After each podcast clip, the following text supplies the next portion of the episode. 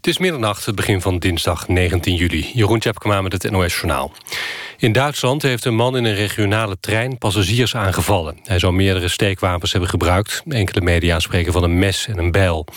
Volgens de laatste berichten zijn er vier zwaar gewonden en één licht gewonden. Veertien andere passagiers waren getuigen van de steekpartij... maar raakten niet gewond.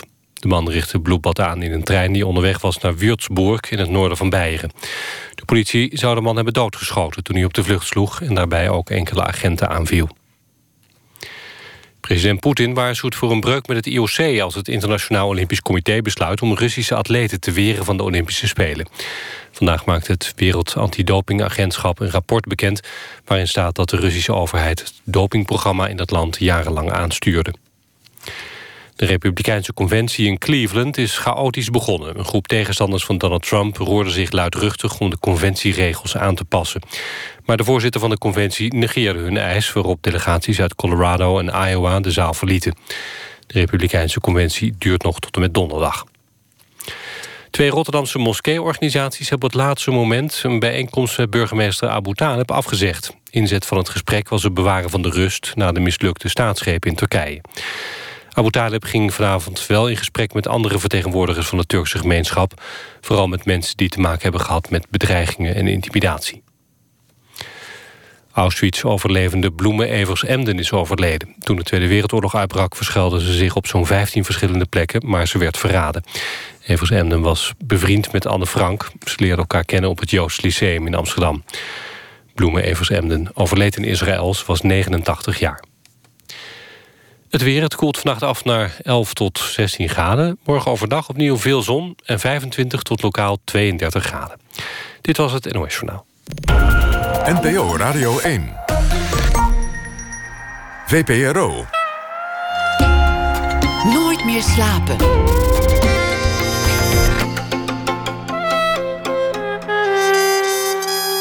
Met Matthijs Deen. Goedenacht en welkom bij Nooit meer slapen. Pieter is er niet inderdaad. Zo'n jongen moet ook een keer op vakantie. Hij komt gewoon weer terug. Volgend uur de waardeloze winkel. Dat is een mobiele houten winkel die door het land trekt. Als ode aan de waardeloze dingen van de wereld. Met flutten als de interne valuta wordt bepaald... welke flutwaarde een object heeft. Na ene hoort u een reportage over dit project van kunstenaar Pavel van Houten. We hebben de Toendra-documentaire de bandjes van mijn vader. Schrijver Joris van Kasteren zegt iets over de dag. Dat allemaal na één uur. Maar dit uur is Colin Benders bij ons te gast. Die u waarschijnlijk kent als Kite Man. De trompetist, de componist, de orkestleider, improv improvisator. Improvisator. ja, mooi woord. Ja, goed woord. Het cheerleader, reiziger langs muziekstijlen, schepper van vrijheid. Hij heeft zijn publiek en misschien ook wel zichzelf nu eens in vervoering gebracht... en dan weer verrast, maar nooit verveeld. In het wonderjaar 2009 landde hij opeens als van een andere planeet... met wat hij noemde zijn hip-hop orkest. Alle mogelijke prijzen sleepte in de wacht... en toen hief hij dat orkest gewoon weer op. De tocht die volgde bracht ons naar zijn, naar mijn idee... ontroerende album met zijn leraar Erik Vloeimans. Het grootste project met terugkeer naar de Kiteman Orchestra... om daarna de grenzen van improvisatie te verkennen met de jam-sessies als ik het goed heb, uh, kon een is het meest recente gepubliceerde werk... de muziek bij de film Of ik gek ben. Ja, dat klopt.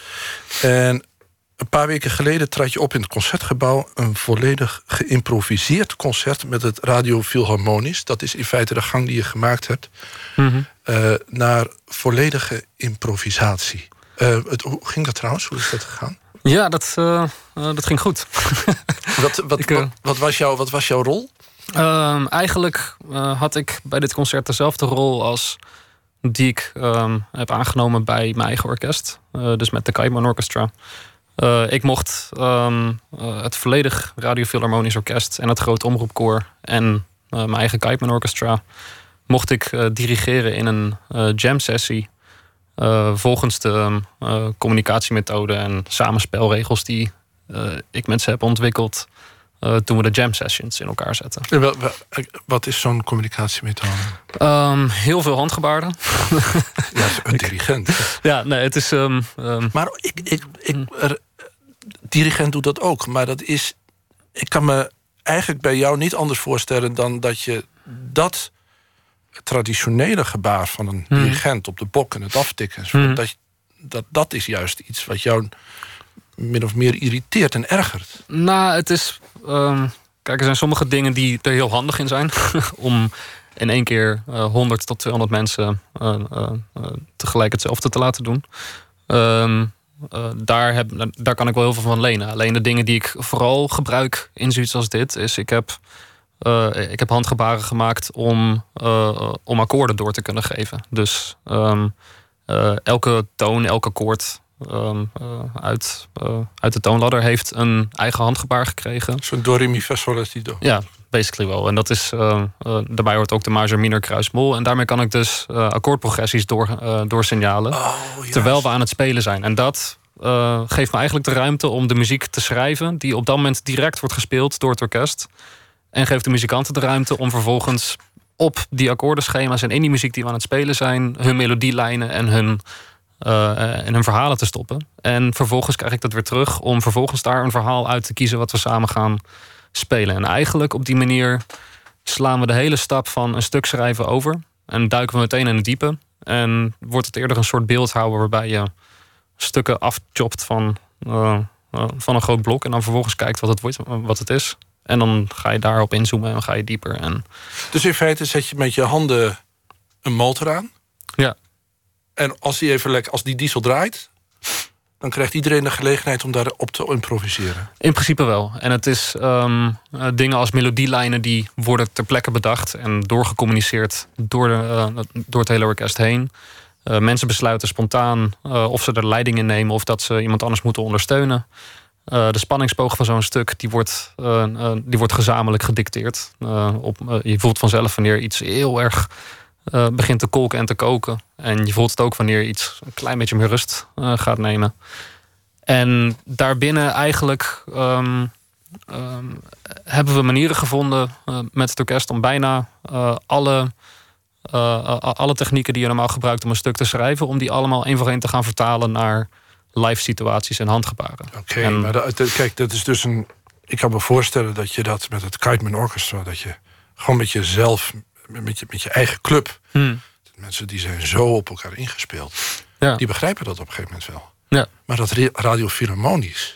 die mensen die hebben gewoon een lessenaar voor de snuffert... en, en, en notenbalken. En Ja, maar dat is dus de hele grap. Dat is, ehm, eh, dat, dat is waanzinnig goed gegaan. Tot op het punt dat eh, het, het Radio Philharmonisch... met net zoveel eh, initiatief en, en inbreng en enthousiasme... op een gegeven moment op het podium stond als mijn eigen groep. En eh, het hele leuke eraan is dat doordat er geen vangnet meer is... eh, kan je dus ook niet meer gewoon zomaar je eigen noten eruit knallen. En wat de rest doet, ja, dat, eh, als ze maar op tijd bij het einde zijn... Om het even heel onerbiedig te zeggen, het gaat natuurlijk over veel meer dan dat. Maar ehm, wat je direct merkt is dat ehm, eh, er gaan hele andere dingen spelen. Het, het, gaat niet meer om of je, of je een goede muzikant bent of niet. Maar om of je de rest van de groep waar je mee speelt genoeg vertrouwt om bepaalde stappen te zetten. het is vertrouwen. En- Dus stel nou, het,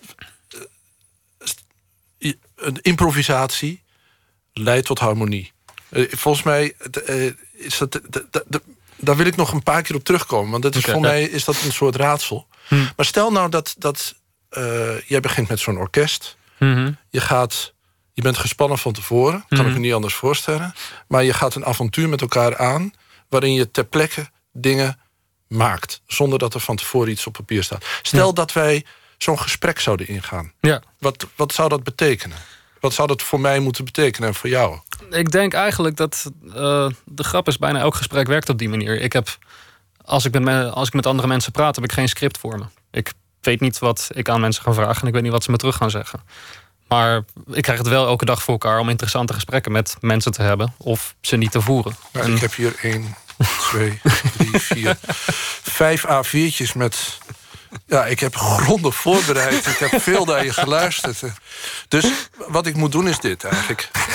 ik denk dat dat wel de. eh, dat is een heel goed begin. Laten we vandaag eens kijken wat het wordt. Ehm, Yes. Je hebt het gedaan. Ja. Mooi. goed, ja, nou... ehm, en dan, wat, wat levert... Stel nou, want ik heb het weggegooid, dat heb ik nog nooit eerder gedaan. Ja. Eh, dus wij, wij zijn nu eh, in feite bij je naakt. Hè? Ja, je nou, bent precies. eh, teruggebracht tot gewoon een gesprekspartner. Ja. Maar dat wil zeggen dat ook een beetje het is opgehouden dat ik alleen maar verantwoordelijk ben voor het slagen van dit gesprek. Ja, klopt. Dat wil zeggen dat jij. We hebben nu een gedeelde verantwoordelijkheid. Ja. Nou, hoe voelt dat nou? Nou, dat, dat, dat, nee, dat scheelt enorm. Maar wat, is dat ook zo bij muziek maken? Ehm, ja, zeker. Het is, ehm, eh, je kan niet alleen maar eh, eh, meer eigenlijk achterover zitten en, ver- eh, en, en verwachten dat iemand het voor je weet. Ehm, je, eh, je, bent volledig verantwoordelijk voor je eigen partij in dat geheel. Je kan niet meer. eh, eh, automatische piloot is geen optie eh, in zoiets als dat. Dus, eh, dus als we samen aan het spelen zijn en we staan er met z'n twintig op een podium. ehm, en eh, ja, iedereen is continu op elkaar aan het letten. En, elke, en alles is een contributie. Of je besluit om niet te spelen, is zelfs al kan van cruciaal belang zijn op een bepaald moment dat je iets de ruimte geeft. Of eh, ook dingen als totale frustratie met wat je aan het spelen bent. Het, het is een paar keer voorgekomen dat onze toetsenist Niels. Terwijl we een stuk aan het spelen zijn, dat, dat wat allemaal veel te zoet en te, te harmonisch en te consonant allemaal is en weet ik het wat, dat hij daar gewoon echt pisnijdig van wordt. En gewoon met zijn vuist op zijn toetsen begint te hameren. Net zolang totdat de drummer en de bassist meegaan. En er, en er een soort instant punk chaos ontstaat. Maar is het dan, is het dan wat vind je dan eigenlijk het, het mooiste wat er ontstaat? Is dat het proces dat je samen iets maakt? Of is dat hoe het klinkt? Het, het, het, het feit dat wat er op dat moment gebeurt echt is. Het, ehm, eh, er is eh, ik kan me niet verschuilen achter een rol. Ik kan me niet verschuilen achter een, uh, achter een script. En ik kan me niet verschuilen achter een gevoel wat ik op dat moment niet ondersteun. Ik kan. Um, als ik een liedje schrijf, kan ik, uh, kan ik een stuk schrijven. Dan, kan ik, dan voel ik heel sterk op dat moment. Dan ga ik er, gaat er een half jaar overheen dat ik het helemaal uitwerk en weet ik het wat. En tegen de tijd dat het uit is gekomen, is het nummer al een 1 tot 2 jaar oud. Dan vervolgens moet je het elke dag voor twee jaar lang gaan spelen. En het, dat, je kan niet garanderen dat je elke dag dat je het speelt, het op die manier voelt. Nou, met dit project, als ik het niet voel, dan kan ik het ook niet spelen.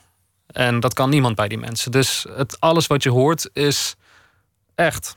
Er, is niks wat. Uh, uh, er zijn geen maskers, er zijn geen schermen, er is niks. Um, uh, niks waar je op kan terugvallen. Nee, er is niks en, waar je op kan terugvallen. Um, en het griezelige voor een, voor een, in een gesprek voor een radiopresentator... Mm -hmm. is dat je, dat je denkt, ja, maar op een gegeven moment... kan je met, met je mond vol tanden komen te staan. Ja, klopt. Is, is dat ook mogelijk in de muziek? Zeker, zeker. Je kan daar echt staan dat je denkt van... ja, maar wat ben ik nou eigenlijk aan het doen?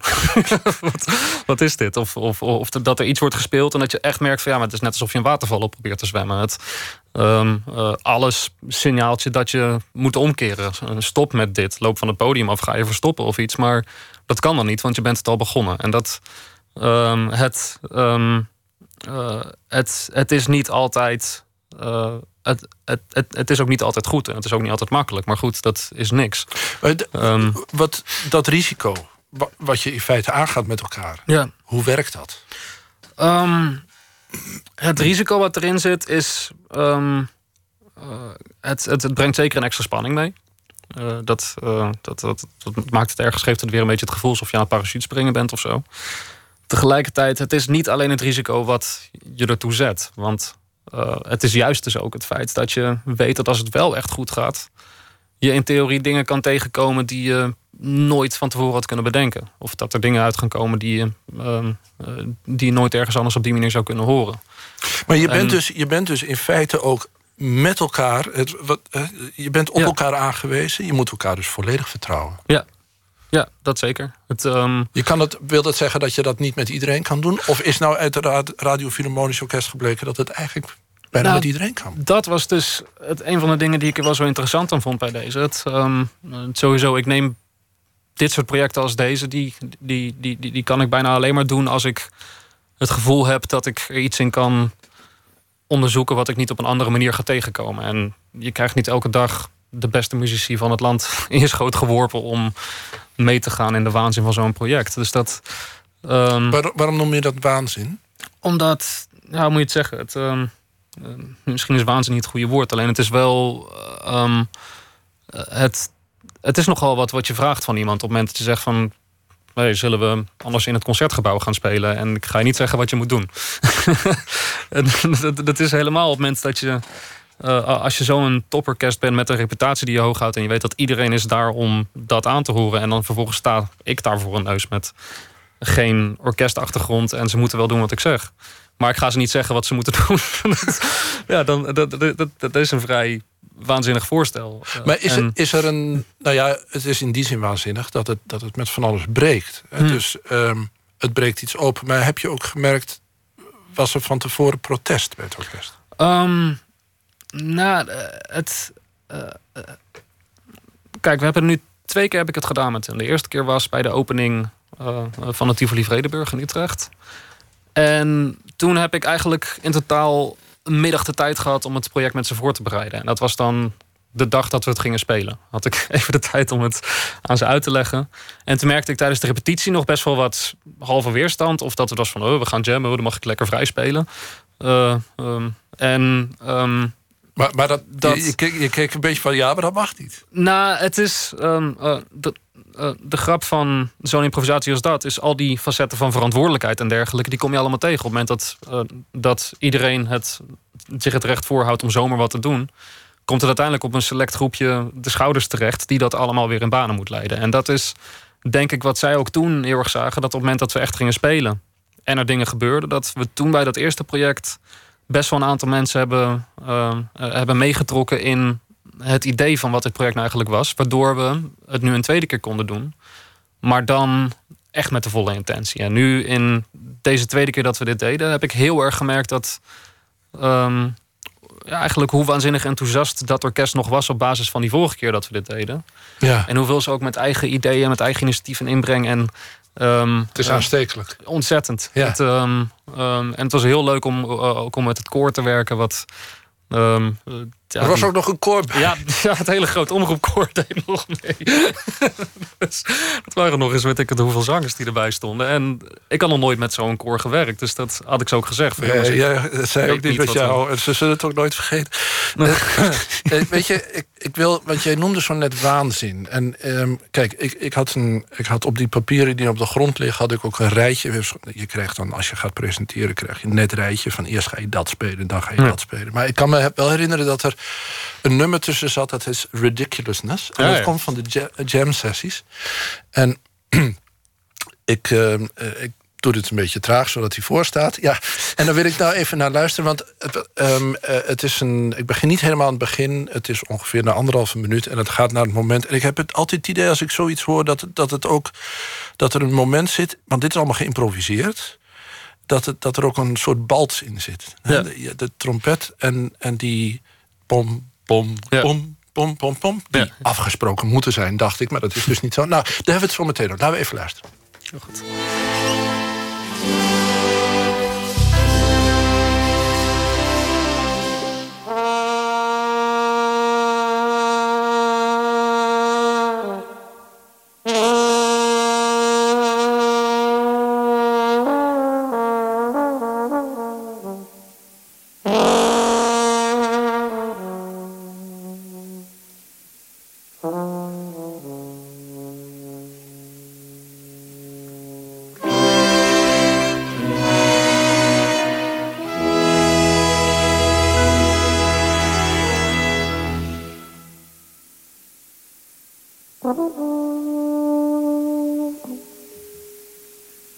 Thank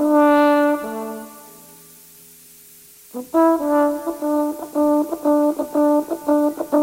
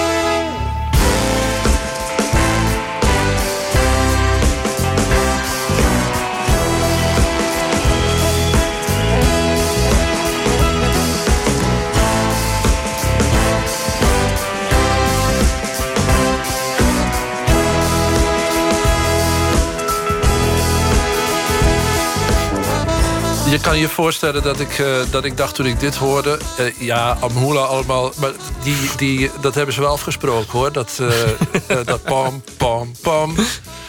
Nee. Echt niet?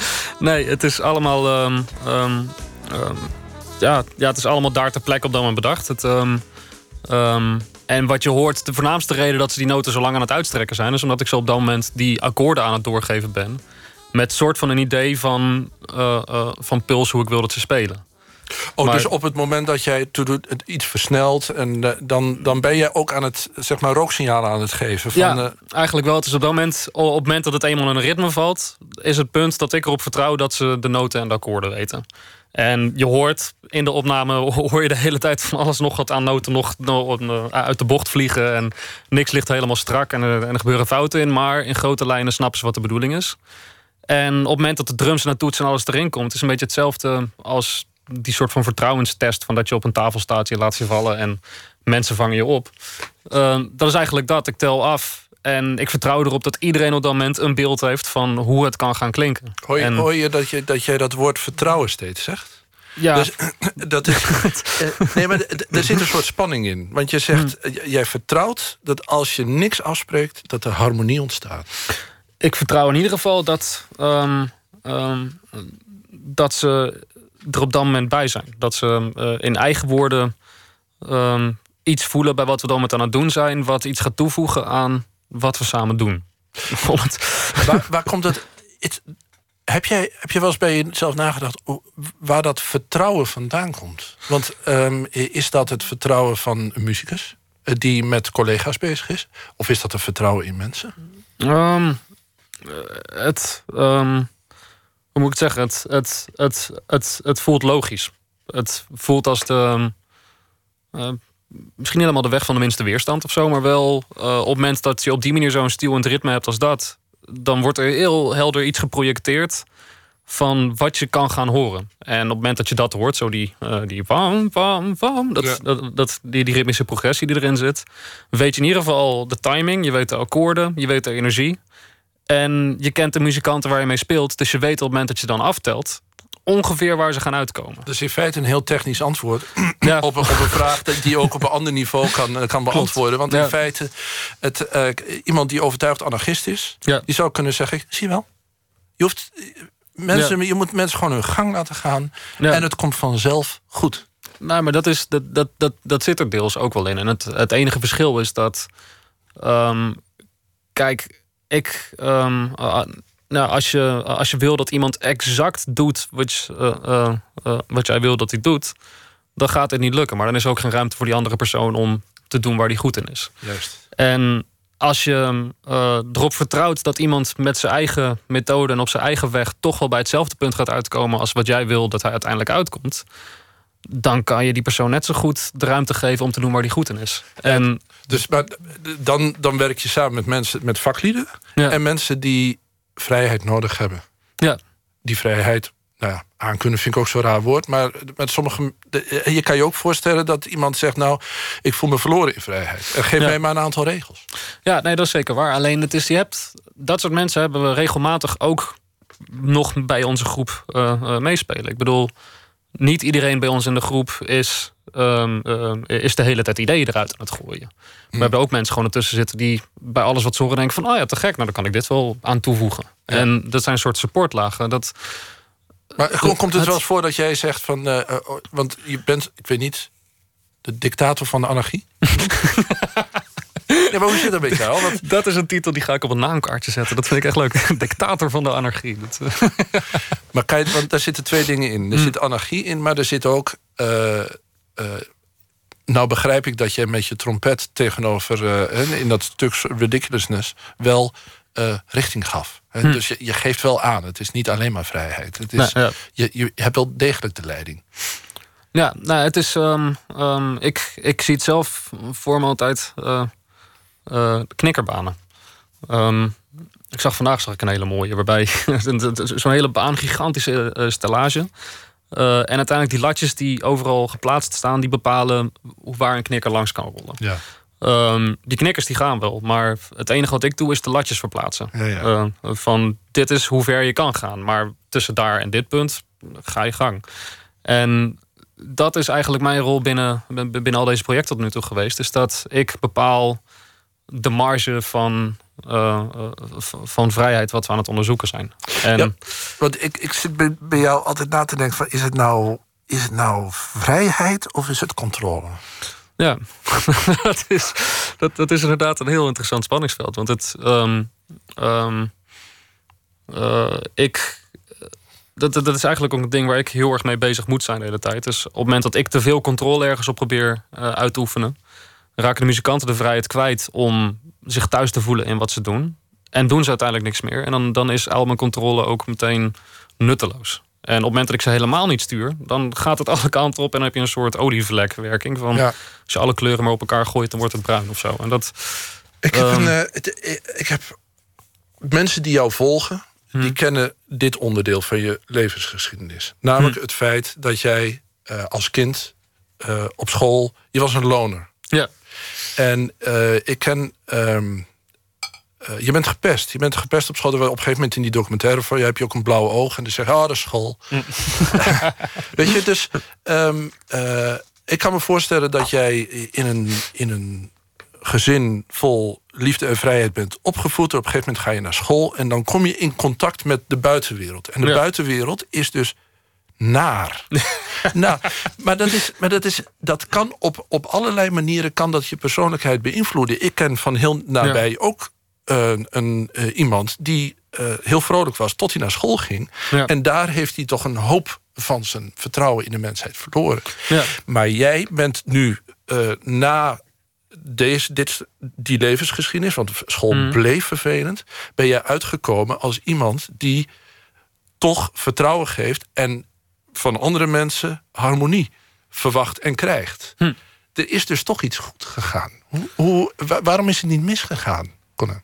Ja, het, um, nou, ik denk ook wel, het, het is ook wel een flinke tijd misgegaan voordat het goed begon te gaan of zo. Het, um, um, ik bedoel, uiteindelijk, het is inderdaad zo dat het eerste wat je tegenkomt op het moment dat je naar school gaat, is dat de wereld een heel stuk minder utopisch in elkaar zit dan je, uh, uh, uh, dan je zou willen zien in eerste instantie. Want je hebt thuis een veel vrijheid gehad. Ja, wat, of, of het is, ik heb thuis van mijn ouders heel erg de ruimte gekregen om te zijn wie ik was. En dat, uh, dat had ik zomaar anders kunnen zijn. Want ik was een ontzettend druk terrorkind wat dat betreft. Dus, ja, het, ja. Uh, dus ik, ben, ik ben nog steeds heel dankbaar uh, voor de keuze van mijn ouders om dat soort van in, in, in, in grote banen te laten gebeuren. Want, want, um, want als ik jou vraag, wat, wat is er goed gegaan, kijk je dan naar die ouders? Want het, het is nu nacht. Sommige hmm. mensen liggen wakker van het feit dat hun kind gepest wordt. Misschien zijn er wel een aantal mensen die luisteren, die denken: wat moet ik doen? Ja, um, het is een hele lastige, want er is heel weinig wat je echt kan doen. Het, um, dat is tenminste wat. Dit is typisch zo'n ding waar op het moment dat je de controle gaat uitoefenen, je kan niet uh, uh, besluiten hoe iemand gaat reageren. Je kan niet besluiten hoe iemand uh, verandert. Je kan hooguit de situatie een klein beetje veranderen en ervoor zorgen dat op die manier het, ja, de spanning er wat afgaat. Maar je gaat nooit in één keer kunnen besluiten dat iemand nooit meer iemand anders gaat pesten. En daarmee kan je dus ook niet zomaar in één keer de wereld veranderen. En dat is denk ik een van de voornaamste dingen ja, ik, uh, uh, ik, ik, ik ben er op de harde manier heb ik dat soort van moeten leren. Dat ja. de, de wereld gedraagt zich niet zoals ik wil dat hij doet. De wereld is niet zo utopisch als wat ik had gehoopt. Dat het maar zou is het zijn. zo maar dat je dan, dat je, dan, dat je met zo'n orkest een soort grote familie maakt? Een soort samenzwering van wij ja, het is... En, en ook altijd met de rug naar het publiek, hè? Altijd met de rug naar de wereld. nee, is toch zo? Nou, het is die rug die heeft een soort functie gehad. Want ik moest naar het orkest kijken. Ik, uh, ja. ik, ik, moest hun zien. En het is ook wel grappig dat ik eigenlijk in tien jaar tijd geen publiek heb gezien. Behalve als ik me omdraai om met iemand te praten. En dat praten vond ik altijd het engste van alles. Want het, dan sta ik in één keer weer zo... Ja, hoi, ik, ik ben Ancolé en ik doe dit. Maar met het orkest, dat is, um, um, dat is altijd waar mijn focus op heeft gelegen. En ik denk eigenlijk een van de grootste dingen die of een van de grootste krachten die ik denk dat we in het orkest altijd hebben gehad, is dat we altijd hebben geroeid met de riemen die we hebben. En dus niet alleen maar zijn uitgegaan van perfecte randvoorwaarden en, en in een utopische wereld moet het allemaal zo gaan. Nee, het is gewoon, nou, wat hebben we? Deze muzikanten, nou, jij komt van reggae, jij komt van de hip-hop, jij komt uit de klassieke wereld. Nou, laten we maar eens gaan spelen, want dit is wat we kunnen. En dat ehm eh, je- zorgt je- uiteindelijk voor Sorry. een veel harmonischer situatie, denk ik, dan die alleen maar zoektocht naar utopie. Want dat is denk ik ehm, eh, het ding wat we met ons orkest hebben, is doordat we. ehm, nou, het, het, het is best wel een aardse approach van muziek maken. Van gewoon maar samenspelen en door met elkaar te communiceren en te vertrouwen en aan te kijken, maken we dingen. En daardoor ha- eh, maken we de muziek die we maken. Ja. En dat Een soort eenheid en verscheidenheid. soort van, ja. Met een, maar heb jij het zelf ook niet een extended family genoemd? Jawel, zeker. Zeker weten. Het is ehm, ehm, bijvoorbeeld eh, eh, Pax en Reason, de, eh, de twee jongens met wie ik in Overvecht woonde. Ja. Ehm, dat, dat, dat zie ik nog steeds eigenlijk gewoon als mijn broers. Dat is, die, die heb ik. die- die- ja, Pax bijvoorbeeld heb ik, heb ik leren kennen toen ik 12 was. En toen was hij de rapper in het eerste bandje waar ik ooit in speelde. En ik werk nog steeds met hem samen. Dat is nu, dat is nu bijna 18 jaar. Dus, En- het, dus het is eigenlijk ook zo dat als ik... misschien kunnen we het daarmee afsluiten... maar ik vind het toch leuk om er iets uit te halen... omdat je namelijk zo'n voorbeeld bent van hoe het uiteindelijk goed kan komen... is dat er altijd wel mensen waren die zich om je bekommerden. Hm. En dat, Dat je wel, uiteindelijk dan ook met die mensen samen iets kon gaan maken. Ja. Ja. Hè, Zullen we even, zullen we even naar bijvoorbeeld Mushroom Cloud gaan luisteren? Ja, dat is wel een tijdje geleden. Maar... Nee, precies. Om het, om het maar iets luchtigs aan te zetten.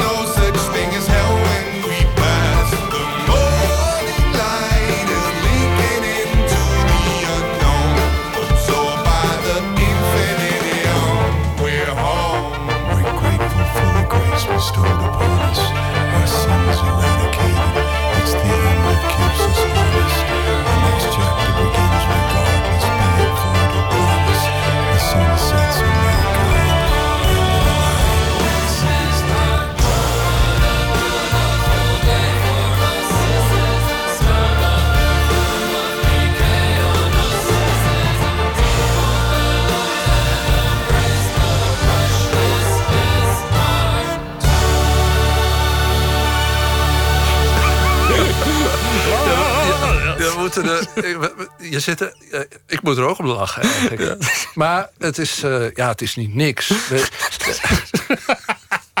Kijk, werd, het werd kitsch genoemd. Hè? Mm. En, dus, eh, en, en te groot en meeslepend. Maar zelfs degene die, het, de- zeg maar de, die er het, nog het grootste probleem mee had... die zei, ja, het, het doet wel wat beetje als je erbij bent. maar Ja, maar goed, het- ja. ja. ja, we hadden het er al over... want dat is natuurlijk ook met een, met een, met een, een, een gesprek zonder plan. Dat gaat gewoon door, ook al is het muziek. Maar ik wil toch een vraag die ik zo net stelde... toch nog een keer stelde.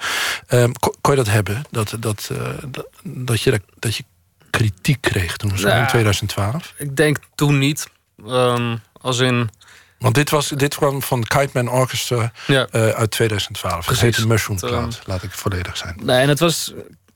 Nee, ik denk eigenlijk toen nog niet echt. Het, eh, ik, ik deed wel heel erg alsof ik het allemaal goed kon hebben en weet ik het wat. Maar dit was het project. Wat eigenlijk mijn antwoord was op het succes van 2009. Van ehm, 2009 waren we. eh, dat, dat was ongepland en dat was helemaal te gek en waanzinnig. Maar ik vond de muziek niet goed genoeg voor de lof en eer die het had gekregen. En Ja, ja. het ehm, zorgde er mij, bij mij voor dat ik alleen maar weer iets kon doen op het moment dat ik iets zou doen wat waardig was van, van die status of van, of van dat ding. Dus het werd in alles een soort monsterproject van dit moet het beste zijn wat we ooit hebben gedaan omdat. En Ja. ehm, Maar daartussenin zit dat... dat want het, die Kite Man Orchestras die, die trekken veel aandacht naar zich toe. Maar daartussenin heb je even... Is dat Ja. schuilen bij je leraar, wat je deed met, met Erik Vloeimans? ik denk eigenlijk wat, wat, wat, wat Kite Crash voor mij was, was dat ik überhaupt weer even iets durf te doen. Want het. Nee, je eh, moet even zeggen, wat, want tussen, tussen dit succes van 2009... toen eh, iedereen, je kreeg alle prijzen... hm, en toen zei je, ik hef het op. ja. En toen kwam je dus in een hele moeilijke periode terecht... waarin je moest verwerken wat er allemaal gebeurd was. Ja. Op, eh, ehm, het, ehm, het gepeste jongetje kreeg opeens alleen maar lof. Dat is ook niet, niet te doen natuurlijk. En, en eh, toen, daar, daar gaat die documentaire over, hè, What Next. hm. En toen heb je een, een album gemaakt met je leraar, Ja. Erik Vloeimans. Ja. En dat, eigenlijk vind ik dat heel mooi. Ja, het was een heel fijn album. En het was ook een heel fijn project. Omdat ehm, ik zat toen midden in die hele eh, eh, trip van eigenlijk alleen maar piekeren en ploeteren over wat, eh, ja, wat gaan we nou doen? En, en, Ja. en wat moet nou het volgende worden? En nog een beetje bang ook van alles wat er net was gebeurd. Want het, het, het was veel. En ik was er helemaal niet gewend. Want ik was altijd op feestjes. Dan weet ik het al, degene die bij de deur of aan de muur stond. Ja. Ehm, en Muurbloempje. ja, ik, ik zag alles wel en, en, en, en ik zag het terug. En dat, daar voelde ik me heel comfortabel in. En dan in één keer gebeurde dat hele 2009 gebeuren. En dat, ehm, eh, dus dat was eigenlijk, heeft, heeft me dat heel lang gekost... voordat ik überhaupt weer durfde muziek te maken. En toen was het eigenlijk Erik Vloeimans van... ah joh, kom, laten we gewoon spelen. En, eh, Want Erik. Vloeimans, dat moet even die, dat is jouw leraar geweest op het Haagse Ja. Conservatorium. Ja, En dat is de leraar die vooral meer met jou praatte dan met je speelde. ja, En die op een gegeven moment zei: Jongen, ehm, het is wel mooi geweest hier. ja. Ga maar de wereld in. Ja, dat was eigenlijk. ehm, eh, Daar ben ik hem nog steeds super dankbaar voor. Dat Ja. hij eh, he- echt heel erg eh, outside the box ging daar eigenlijk mee. En me vanuit zijn positie binnen dat systeem van een conservatorium vertelde dat ik ehm, eh, meer, meer zou leren als ik niet in dat systeem van het conservatorium zou zitten. En dat, nou, daar heeft hij me toch wel echt mee bevrijd. Met Want zoiets. En Die, dat, die, je, je kan niet zo best overweg met grenzen. Hè? Nee, ja, het. ehm, ehm, eh, ik, ik, ik voel me vrij snel opgesloten in die Ja. dingen. Dus dat. ehm, Maar een instrument is ook een grens. ja, klopt. Alleen dat is dus ook wel. waarom ik in de loop der jaren steeds minder eh, trompet ben gaan spelen. En steeds meer me met muziek in het algemeen ben gaan bezighouden. Wat, wat is. Want je hebt over je. Je zegt nu dat je trompet een beperking is. Omdat je, je kan maar zus en zoveel ermee doen. En andere dingen die je wil, dat, dat laat het instrument niet toe. Maar er is ook een periode geweest dat, dat de trompet voor jou een bevrijding was. Ja, klopt. Het, ehm, eh, de, de trompet is eigenlijk een soort eh, sleutel geweest naar een, naar een wereld die met de dag mooier is geworden. En, Hoe, hoe werkte de bevrijding en hoe werkt de beperking?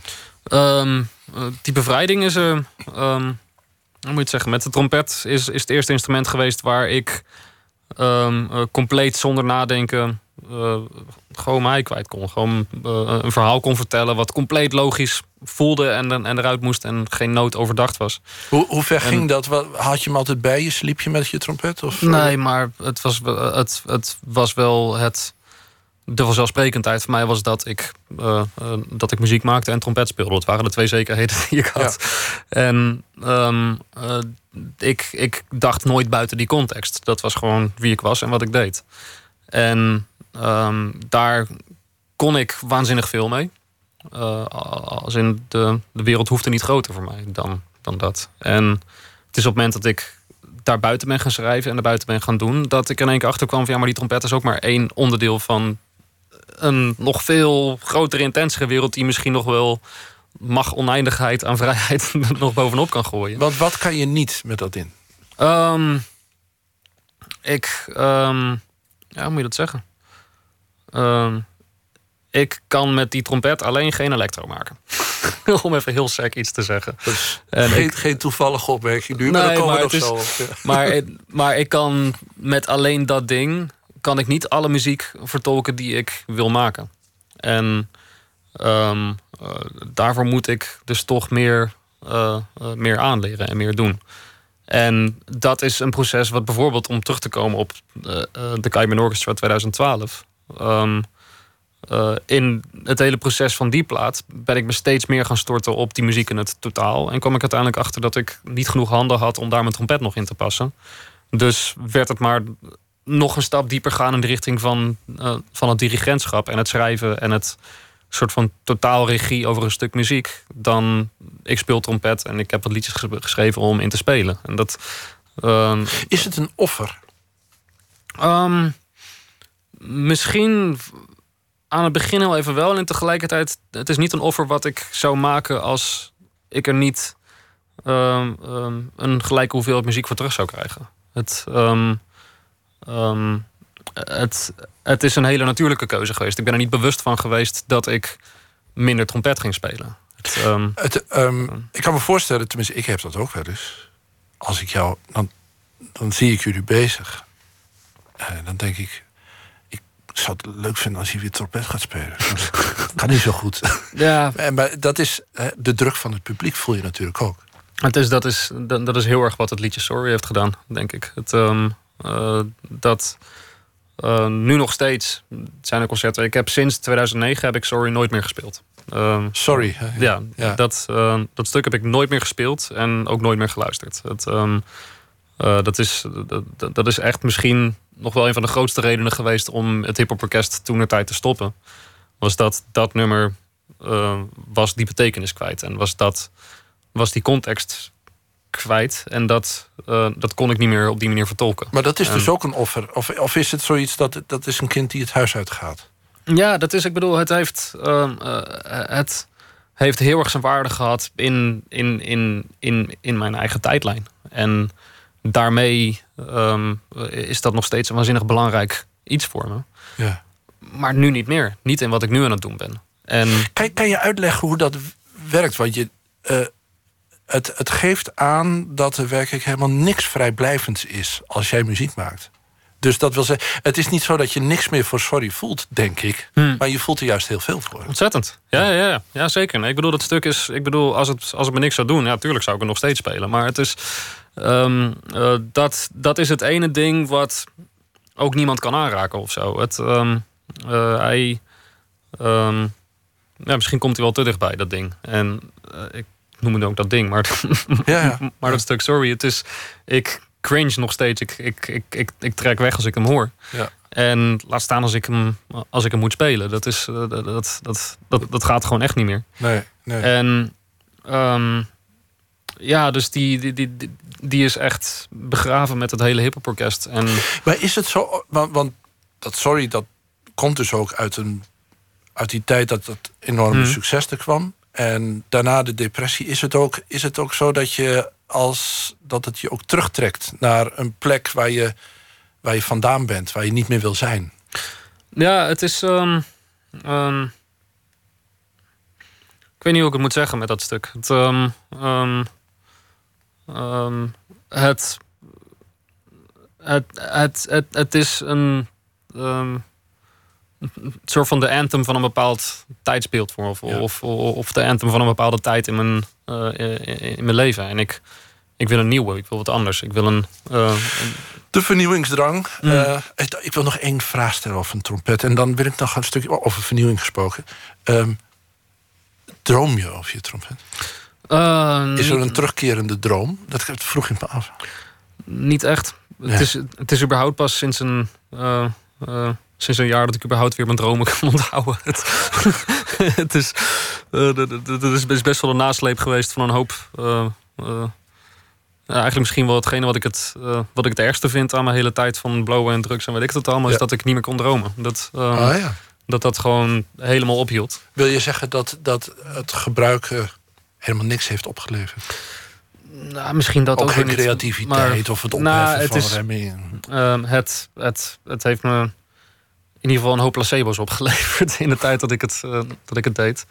En nu dat ik het helemaal niet meer doe, heeft het me ook vooral een soort eh gatenkaas in mijn geheugen achter, achtergelaten. En dat, maar dat, ehm, eh, door het feit dat ik nu wel weer aan het dromen ben en weet ik dat allemaal, heb ik het idee dat het wel weer Dat je, wegvalt of zo. dat je weer wat een, een completer mens wordt dus eigenlijk. Je krijgt... Hm. Is het... ja, eh, ik ben nou, omdat ik het papier heeft... maar het is een root canal volgens mij. wat we nou een stukje Ja. gaan luisteren. Vet.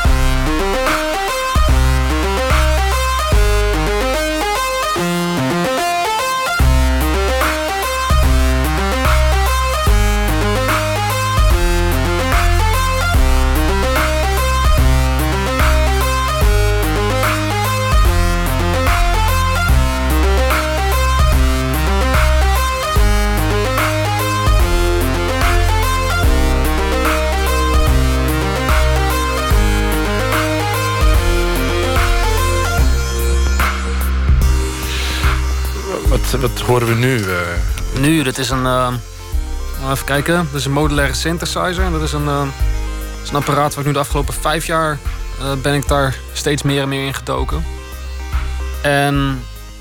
Het, het, het, het, het is een fascinerend object. Het, ehm, ehm, Het doet mij heel erg denken aan de jaren 70, weet je dat? We- we- Je had toen zo'n band zoals Tangerine Dream en Yes. En zelfs op bescheiden schaal Exception hè, met Rick van der Linden. Die, ja.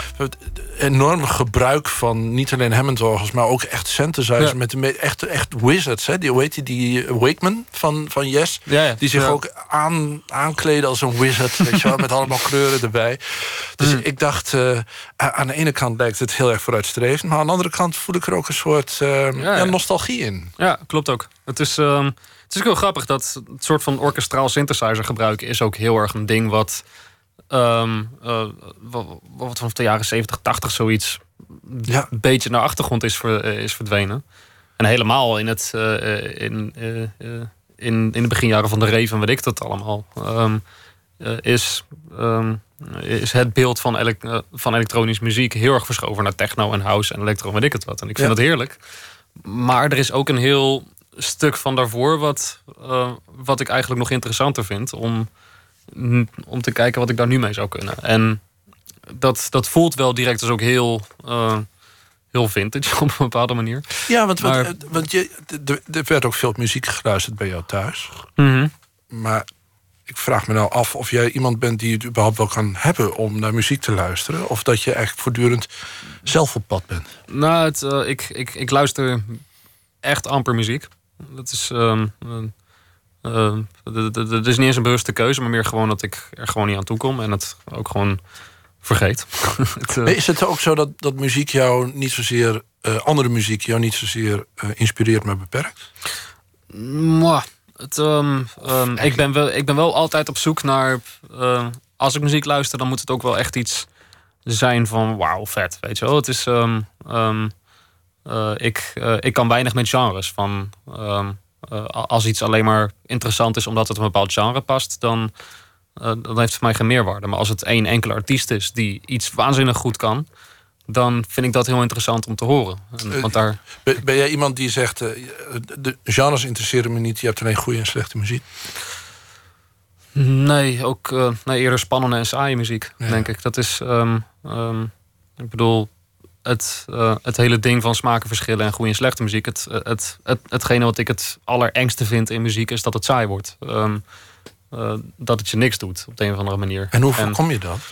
ehm, Je, je voorkwam het een tijd door, door te zeggen van, eh, door die improvisatie met die mensen. ja, En, en dan, het is uniek. Wat hier gebeurt, dat is, dat is van ons. ja, Maar als jij nu in, dat, in die machine kruipt, ja. hoe, hoe kan jij dan voorkomen dat het. Ehm, het is een heel ander ding wat, wat, wat, wat daar dan weer voor me in zit. Het, ehm, ehm, allereerst is het een, is het een klankspectrum wat, wat ik tot nu toe niet heb kunnen gebruiken. Eh, waar, ik, ik helemaal niks mee heb gekund.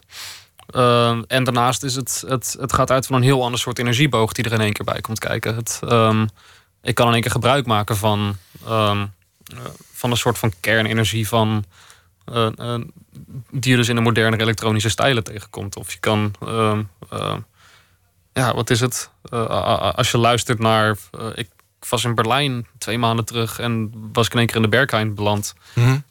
en eh, wat is het? Ik denk een dag later kwamen we weer naar buiten. En ik, dat, dat, dat, dat, is een, dat, dat is een trip geweest zoals ik het niet vaak heb meegemaakt met muziek. En dat was gewoon alleen maar snoei en snoeiharde techno. Maar dat, dat tapt in op een, eh, op een energieboog die ik in geen enkele andere muziek ken of tegenkom. En dat vind ik dan wel weer heel interessant. Van hoe kan je dat vertalen naar, eh, naar hele andere dingen? En daarvoor moet ik er induiken. Want Ja. ik denk uiteindelijk dat het wel weer heel interessant is op het moment is dat je die, eh, ja, eigenlijk die kernreactor van dat soort muziek mee kan nemen. En over een paar jaar weer kan terugstoppen in een heel andere context. Maar je, moet- je Zo. moet ergens vanuit gaan. Want ik heb, we hadden het zo net aan, aan het begin van het programma... dat je met, met de handgebaren een bepaalde diesel aanzet. Een, een, Ja. een soort cadans. En dan Mhm. ga je bouwen. Ja, klopt. En als ik, als ik die muziek hoor op die eh, synthesizer... dan, Ja. dan eh, bespeur ik datzelfde procedé. In principe wel. Het is ook eh, de grap nu met deze synthesizer is dat ik niet met mijn handen eh, andere mensen aanspoor om iets te doen, maar het gewoon direct zelf kan doen. Ja. En waar nu al mijn energie en training en tijd in zit, is hoe kan ik zo snel mogelijk vertalen wat ik denk naar wat ik eh, naar wat er uit het apparaat komt. Ehm, en dat is iets wat ik nu nog volop aan het oefenen ben. Dus alle resultaten die ik tot nu toe heb gehaald zijn nog soort van eerder onderzoeksstadia dan dat het al, iets definitiefs heeft. Maar Het, het, het lijkt alsof het lijkt wat een beetje. eh, Wat is Doen? Ja, die zit op zijn kamertje. ja, is dat alleen. Ik vind het heerlijk. Maar ehm, eh, bespeur je bij jezelf ook de, het risico dat je je terugtrekt? Mm. Ja, wel. Hoe, hoe voorkom je dat dan? Want, het Ehm. is in feite een vrij asociale. Je, je, je, je verdwijnt in het monster. Ja. Ehm, het is iets wat ik nu nog even bewust niet voorkom. Ook. Het, ehm, ehm, ik vind het fijn dat ik eindelijk een keer kan verdwijnen. En dat eh, niemand, ja, kom, niemand zit erop te wachten dat ik met elektronica iets ga doen. Dus dat is een hele fijne soort van veiligheid. Van, ja, dan heb ik dus ook de tijd, alle tijd van de wereld, om hierin te stoppen. eh, en er iets. en op het moment dat ik ermee naar buiten kom, dan voel ik me erin thuis. Of zo. En, Het, ehm, en wanneer dat is, dat kan over één jaar, dat kan over tien jaar zijn. Precies. En het Ja. is. ehm, ik heb in ieder geval voor nu besloten dat de komende tijd gaat al mijn focus, energie en aandacht hierin liggen. Ehm, en eh, ja, want ik ben gewoon heel benieuwd wat hier uiteindelijk het eind van de rit mee kan. Wat ik daar uiteindelijk mee kan. Ehm, Het, is nu. We hebben aan het begin van het eh, gesprek eh, hebben we de, de boel verscheurd. En we zijn Mhm. gewoon met elkaar gaan praten. Ik kijk op de klok en ik zie nog 4,5 minuut. Kijk. En, en dus de, de, de regel en de marge komt weer, komt weer boven. Maar misschien kan je nog even, voordat we muziek draaien uit eh, filmmuziek van mhm. Of ik gek ben, Ja, even vertellen hoe dat tot stand is gekomen. Ja, ja dat was een leuke. Het, ehm, eh, want Frank Lammers die had al, ehm, ik denk al, al zo'n drie, vier jaar geleden of zo, heeft hij me een keer, eh, eh, had hij al het script dat hij al opgestuurd. En toen was ik nog met zulke andere dingen bezig dat ik had helemaal geen tijd om in mijn hoofd daarin te zitten. Dus ik had het ook nog helemaal niet gezien. Toen een jaar later had hij het nog een keer gedaan. En had ik nog steeds helemaal niks. En een jaar later stond hij gewoon bij me in de studio. Ja. En Met de beelden al. ja, nou, n- nog net niet met de beelden, maar wel gewoon met, eh, met van... hé, hey, ehm, ehm, eh, ik wil echt dat je dit gaat doen. En toen ik vroeg van, ja, maar wat dan? Zeiden van, ja, nou, dat, dat weet ik niet, maar jij moet het doen. jij moet het doen. Oh, dat, dat is En- naar je hand. Ja, nee, maar dat was dus echt heel leuk. Hij heeft me echt die ruimte en vrijheid gegeven... om compleet al mijn gekte op, op dat doek los te laten. En toen zijn jullie gewoon met, want ik, ik moet het even een beetje versnellen. Toen zijn jullie eh, met z'n allen het, naar het beeld gaan kijken en gewoon Precies. eh, real-time muziek gaan maken. Dat Ja. klonk ongeveer zo.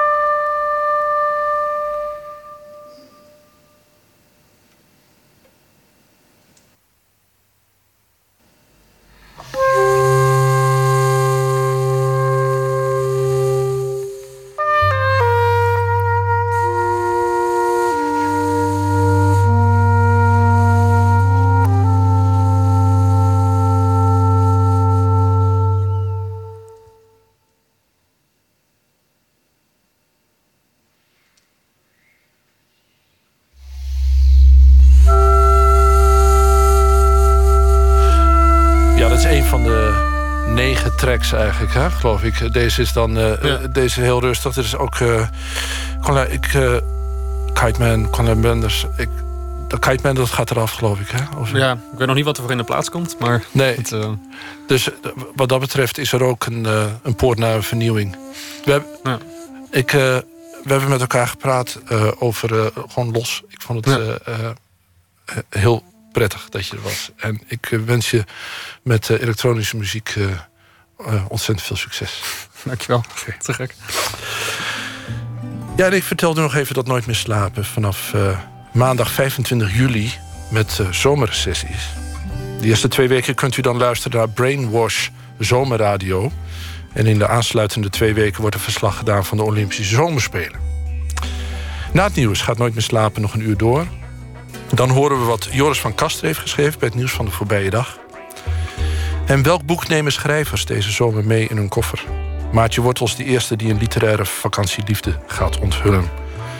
Dat meer straks na het nieuws van 1 uur. Le- Lees jij trouwens graag, Conan? Eh, Is het... eh, Ja. Is dat... eh, en ben je iemand die vakantie neemt? Of? Ja, ik ga over een weekje. Oh, heel veel zin in. oké. Nou, ook daar een hele goede...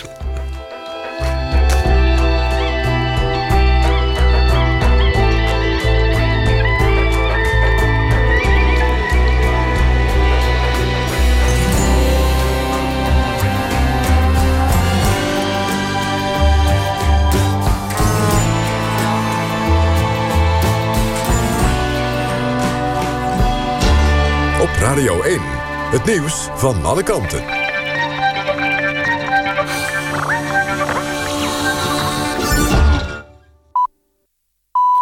Het is 1 uur, dit is Jeroen Tjepkema met het NOS.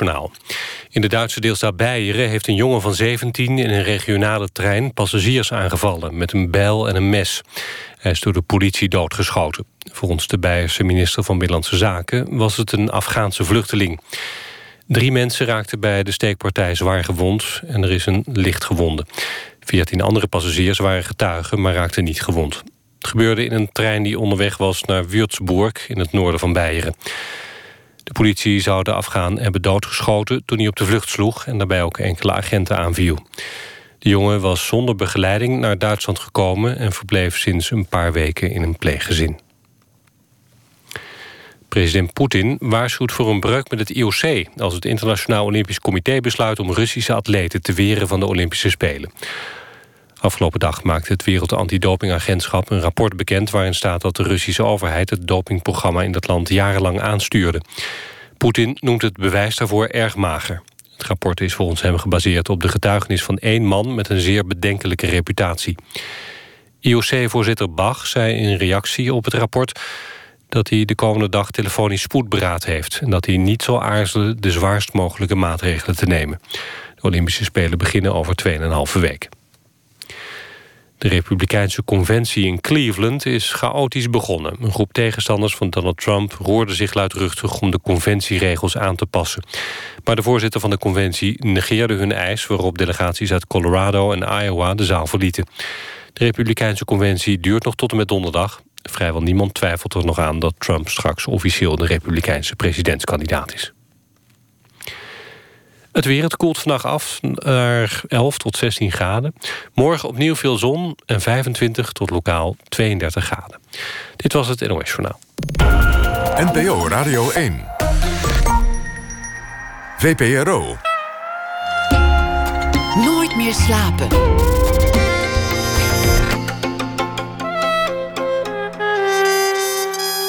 Met Matthijs Deen. Welkom terug bij Nooit meer slapen. Uh, de Waardeloze Winkel is een mobiele houten winkel die door het land trekt. Als ode aan de dingen van de wereld zonder waarde, de waardeloze dingen. Met flutten, als de interne valuta wordt bepaald welke flutwaarde een object heeft. Dadelijk hoort u een reportage over dit project van kunstenaar Pavel van Houten. En we hebben onder meer ook de Toendra-documentaire De Bandjes van mijn vader. Maar we beginnen dit uur met een schrijver die reageert op iets wat er in de wereld is gebeurd. Deze week doen we dat met de schrijver Joris van Kasteren. U kunt wellicht van boeken als Lelystad, het zusje van de bruid en het been in de IJssel. Zijn meest recente boek heet Het Station. Een bundel met verhalen over mensen die het station bevolken. Goedenacht, Joris. Hallo, Matthijs. Ja, uh, man, waar moet je het over hebben? Nou, In ik vind deze het heel tijd. grappig dat, je, dat jij over de waardeloze winkel begint. Want ik moest gisteren voorlezen op een festival in, eh, bij Leeuwarden. En daar was de waardeloze winkel. En nee, maar het is echt fantastisch. Mijn zoontje, eh, ik had mijn kinderen mee. En die heeft echt eh, twee dagen lang, of nou ja, we waren er zaterdag even en zondag ook, het hele terrein afgestruind naar waardeloze objecten. En hij had wel bijna 300 flut. Dus ik, ik, het is echt fantastisch. Het is echt zo'n leuk concept. Dus ik ben helemaal... Eigenlijk had ik mij mijn column erover geschreven. Dus het is maar goed eh, dat ik dat niet gedaan heb. Nou ja, ik weet niet. Dat was wel de eenheid van, van Ja. tijd en handeling geweest. Ja. Ja, Maar waar, Nee, maar het is geweldig. Het is echt een heel leuk eh, initiatief. Oké, nou dit, dit ehm, eh, vooruitwijzen naar de, document, naar de reportage van zometeen. Waar, heb jij, waar ga je over praten, Joris? Nou, ik denk dat ik het gewoon maar voorlees. Want dan, eh, dan, nou ja, dan, dan komt dat denk ik het beste tot zijn recht. Het heet Voyeur, dus het is ook wel een spannend nachtonderwerp, toch? Oké, ga je gang. Ik begin. Natuurlijk had ik het vannacht over wielrenners zonder fiets moeten hebben... over stuntelende putschisten, over de bloeddorstige kwiebes van Nice... of desnoods over de mevrouw die dit weekende in een museum... een kruiswoordpuzzel invulde op een kunstwerk. Maar door omstandigheden, ik was vanmiddag op mijn uitgeverij om een drukproef door te nemen... en daar lag een door de concurrent toegezonden boek voor mij klaar... ga ik het hebben over de Nederlandse vertaling van The Voyeurs Motel. Geschreven door de Amerikaanse non-fictie-auteur Gay Talese. Van wie ik zo'n beetje alles heb gelezen en voor wie ik een diepe bewondering koester. In april drukte de New Yorker al een voorpublicatie af van dit boek. Die mij vanwege het ophefmakende gegeven en Dali's sublieme onderkoelde stijl zozeer inspireerde dat ik een moeizaam vorderend hoofdstuk van mijn in september te verschijnen boek Mensen op Mars zowaar in één ruk afschreef. Om verschillende redenen, waar ik ook morgen en misschien zelfs overmorgen op terug zal komen, want dit is echt niet te bevatten, beste luisteraars, is de verschijning van de Voyeurs Motel een grote, zo niet de grootste literaire sensatie van dit jaar. In 1980 kreeg Thalys, die op dat moment werkte aan Die Neighbor's Wife, het ophefmakende boek over de seksuele revolutie in de VS, een brief van een zekere Gerald Foos, die in Aurora, een voorstad van Denver, met zijn vrouw Donna het Manor, House Motel uitbaten.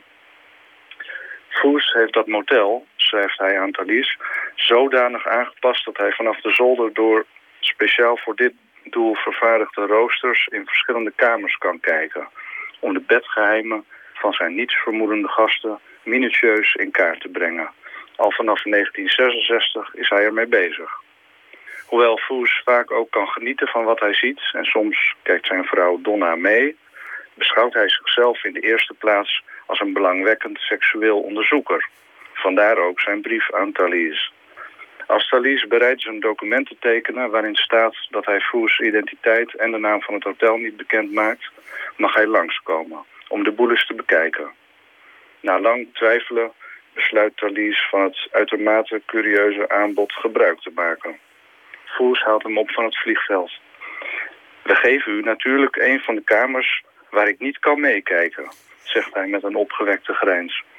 Na een etentje begeven de mannen zich naar Manor House Motel, waar een aantrekkelijk stel uit Chicago, zo weet Foes, in een van de te observeren kamers verblijft. Wat later op de zolder turen de twee door het rooster boven de kamer van het stel, dat juist een staaltje orale seks ten beste geeft. Na een paar minuten kijken zakt tot ontzetting van Foes de stropdas van de immer piekfijn geklede Thalys door het kijkgat. Foes trekt de stropdas snel omhoog. Het koppel, voetert hij besmuikt, heeft goddank niets gezien. De daaropvolgende jaren krijgt Thalys een delen het manuscript van Foes toegestuurd, waarin de bedgedragingen van honderden gasten, die met naam en adres staan vermeld, gedetailleerd zijn vastgelegd, zoals deze. Na haar wat gekust en betast te hebben, ging hij bovenop haar liggen in missionarispositie, vrijwel zonder voorspel. Binnen vijf minuten bereikte hij een orgasme. Zij had geen orgasme en ging bijna onmiddellijk naar de badkamer om het sperma weg te wassen. Conclusie, het is geen gelukkig stel. Of deze. Ze is prachtig geproportioneerd, maar waarschijnlijk net zo dom als ze mooi is. Uitgebreid en opgetogen doet Foes verslag van het eerste trio dat hij gadeslaat, waaraan de eigenaar van een stofzuigerwinkel in Denver deelneemt. Ook van homoseksuele verrichtingen doet hij uitgebreid verslag. In de meeste gevallen, overigens, gebeurt er niets. Men kijkt tv of maakt ruzie. In het geschrift doet Foes ook verslag van zaken die niets met zijn seksuele onderzoekingen te maken hebben. Zo wint hij zich enorm op als de hond van een echtpaar zijn gevoeg doet in een hoek van de kamer. Hij hoort mevrouw zeggen dat de manager van dit waardeloze hotel het toch niet zal merken en schuift er een stoel overheen. Woedend raakt hij ook als hij mannen in de wasbak ziet urineren. Eenmaal kan hij zich niet bedwingen en schreeuwt iets door het rooster. Als hij een man die Kentucky Fried Chicken voedsel heeft gegeten... zijn handen en baard daarna aan de lakens ziet afvegen. Anders dan Thalys, die zich tot voor kort geen raad wist met het geschrift... kent Foes geen scrupules, omdat de gasten zich er niet bewust van waren... dat ze werden bespied. Daardoor konden ze er volgens hem ook geen last van hebben. Ik ben dus benieuwd of de luisteraars, ongetwijfeld kunt u via internet reageren, daar net zo over denken. Ja, ik heb het ook in de New Yorker gelezen. Vooral die stropdas was geweldig. Ja. maar er is nu dus eh, wat eh, discussie over, maar daar wil ik dan morgen mee verder gaan. Want het is eigenlijk te mooi om dat eh, Nee. in één aflevering af te doen. Dus dan kom We ik bewaren, het, terug. we bewaren het voor morgen. Goeienacht, Ja. Joris. Heel erg bedankt. Oké, dankjewel. Tot morgen. Dag. de single Somewhere Only We Know betekende in 2004 de doorbraak van de Britse band Keen. Nummer werd in 2013 gecoverd door niemand minder dan Lily Allen. Het is die versie die we in Nooit meer slapen laten horen. Somewhere Only We Know.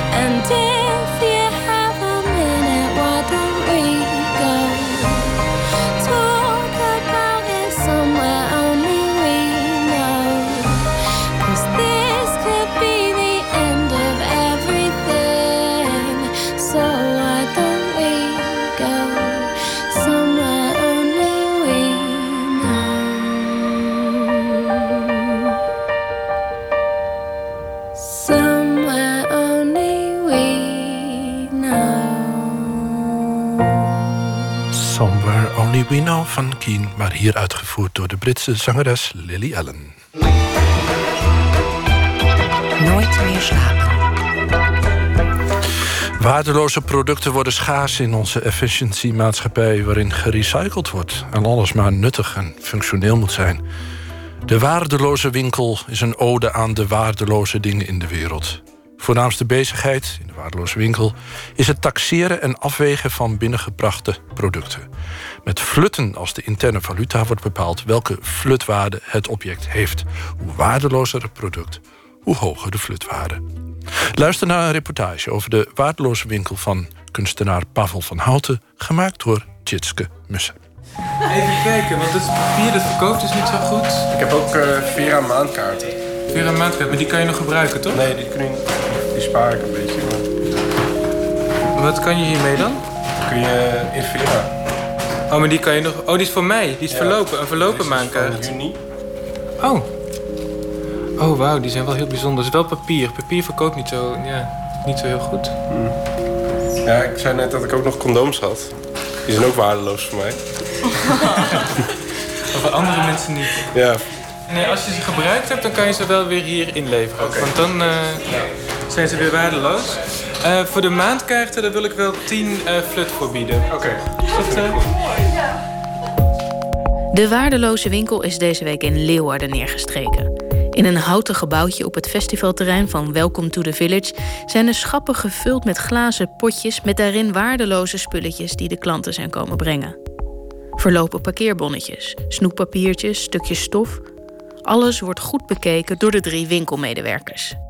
De eerste is de taxateur die, ehm, ja, die de objecten beoordeelt.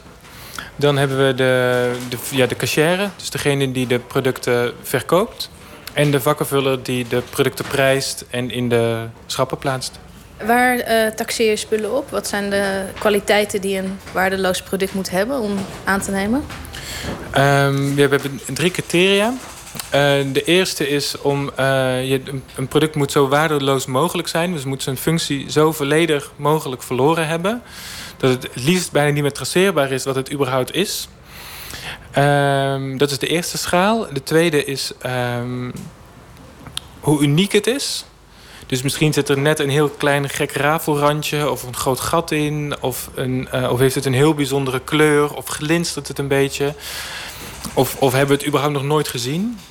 En de laatste laag is of het ook goed verkoopt.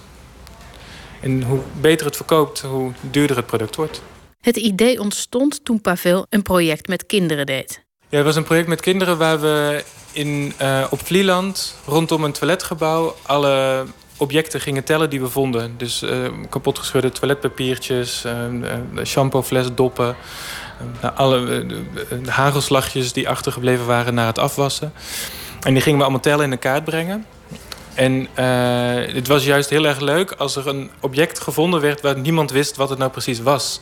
Want er ontstond er een soort van discussie en een soort van openheid van, oh ja, wat is dit? En wat voor vorm heeft het? En wat voor geur heeft het? En je ging op die manier eigenlijk ehm, op een heel bijzondere manier kijken naar je omgeving. En eh, dat, vond ik heel, ja, dat vond ik heel grappig, omdat ik dacht, oh, maar het is eigenlijk heel leuk om iets waardeloos te vinden. Want dan, dan opent je blik opeens. En dan zit je niet meer vast in die patronen waarin je normaal naar dingen kijkt. Ehm, waar het echt om draait is dat je een bepaalde band hebt opgebouwd met dat object door heel precies te gaan kijken. Want die band die zijn we een beetje kwijtgeraakt. Nee. Met veel objecten, of niet? We gooien te veel weg, te makkelijk weg. Of... In principe denk ik zijn dat we wel beter zijn geworden in het efficiënt gebruiken van dingen. En ehm, dat er in, ja, in die zin een soort van zoektocht is, ook zeker in de soort van nieuwe stroom aan duurzaamheid. Dat iedereen continu op zoek is naar er is afval, wat kan je er nog mee doen? Dus dat continu in die vraag zit of ik ben een uurtje heb ik over in mijn leven. Wat moet ik daar doen? Alles moet waarde krijgen in nu. Dus ik heb eigenlijk eerder het tegenovergestelde idee dat continu iedereen ontzettend op zoek is naar waardegeving. En dat er eigenlijk voor waardeloosheid vrij weinig ruimte meer is. En nou heb ik ook iets meegenomen, wat ik graag wil eh, inleveren. Ik heb het hier. Het is een eh, fietslampje Ja. met een bijzondere vorm. Hij, hij doet het niet meer en, en je kunt het batterijtje niet vervangen. Maar het is een, eh, je kunt hem zo om je stuur klemmen. En ik vind dat dus een heel lekker. Ik vind het lekker om zo vast te houden en zo rond mijn vinger te. Oh ja. Maar is het dan wel waardeloos genoeg? Ja. Ja, ja ik vind dit, dit in, in, in waardeloosheid eh, zou ik het fijn hebben gevonden als iemand er nog op had gestaan of zo. Of dat het ook nog iets Kan ik nog even doen. maar- meer eh kapot erin. Nee, dat is fraude. Ah! Dus we hebben wel ook inderdaad mensen die dan eh, weggestuurd worden met hun product. En dan horen we buiten. krrr. En dan komen ze met zes waardeloze spullen terug. Eh, maar dat doen we niet. Eh, nee, we gaan niet bewust dingen kapot maken die een functie hadden. Dus dat is fraude, dus dat eh, nemen we ook niet aan. Maar dus in, in- eigenlijk op de schaal van waardeloosheid vind ik hem eh, redelijk laag scoren. Omdat het in principe doet hij het nog alleen batterijtjes op. Dus dat is eigenlijk het enige linkje. Ja, en je kunt het batterijtje niet vervangen. Nee, nee, nee. nee. Dus nee, als ik kon vervangen, dan, dan is die gewoon nog waar. Maar als je hem niet kan vervangen... eh, maar in principe is er voor de rest niks kapot aan. Ehm, dus we nemen hem wel in, maar dat verlaagt de waarde. Het is wel een heel uniek object. Ik denk niet dat we zoiets binnen, nog binnen gaan krijgen... en omdat het lekker voelt en het heeft inderdaad een bijzondere vorm. Ehm, ja, dus dat eh, bepaalt dan de waarde. Dus ik, eh, Wat zou je hiervoor geven? ja, ik denk deze, dat deze wel ehm, in de categorie van ja, tussen de 70 en 90 eh flut vangt, vervalt. Eh, wat kan ik voor 70 flut kopen? Nou, kijk, als je hier eh, heb je bijvoorbeeld eh, twee natte stukjes eh, textiel, die zijn 85 flut. Eh, deze lijmprop is 120 flut, dus dan zou je nog even door moeten sparen. Ja, dan hebben we hier ook een, een stuk ehm, ja, koperkleurig metaal eh, voor 10 flut. 15 flut voor een platgestampt Amstel bierblikje. Dus op zich kan je best wel, eh, kan je best wel wat kopen voor kopen, hè? 70. Ja. Wat zijn nou dingen die goed verkopen? Eh, harde stukken felgekleurd plastic. De kleur spreekt mensen heel erg aan, denk ik. Eh, alles wat glinstert of glittert. En ehm, even denken, even om me heen kijken.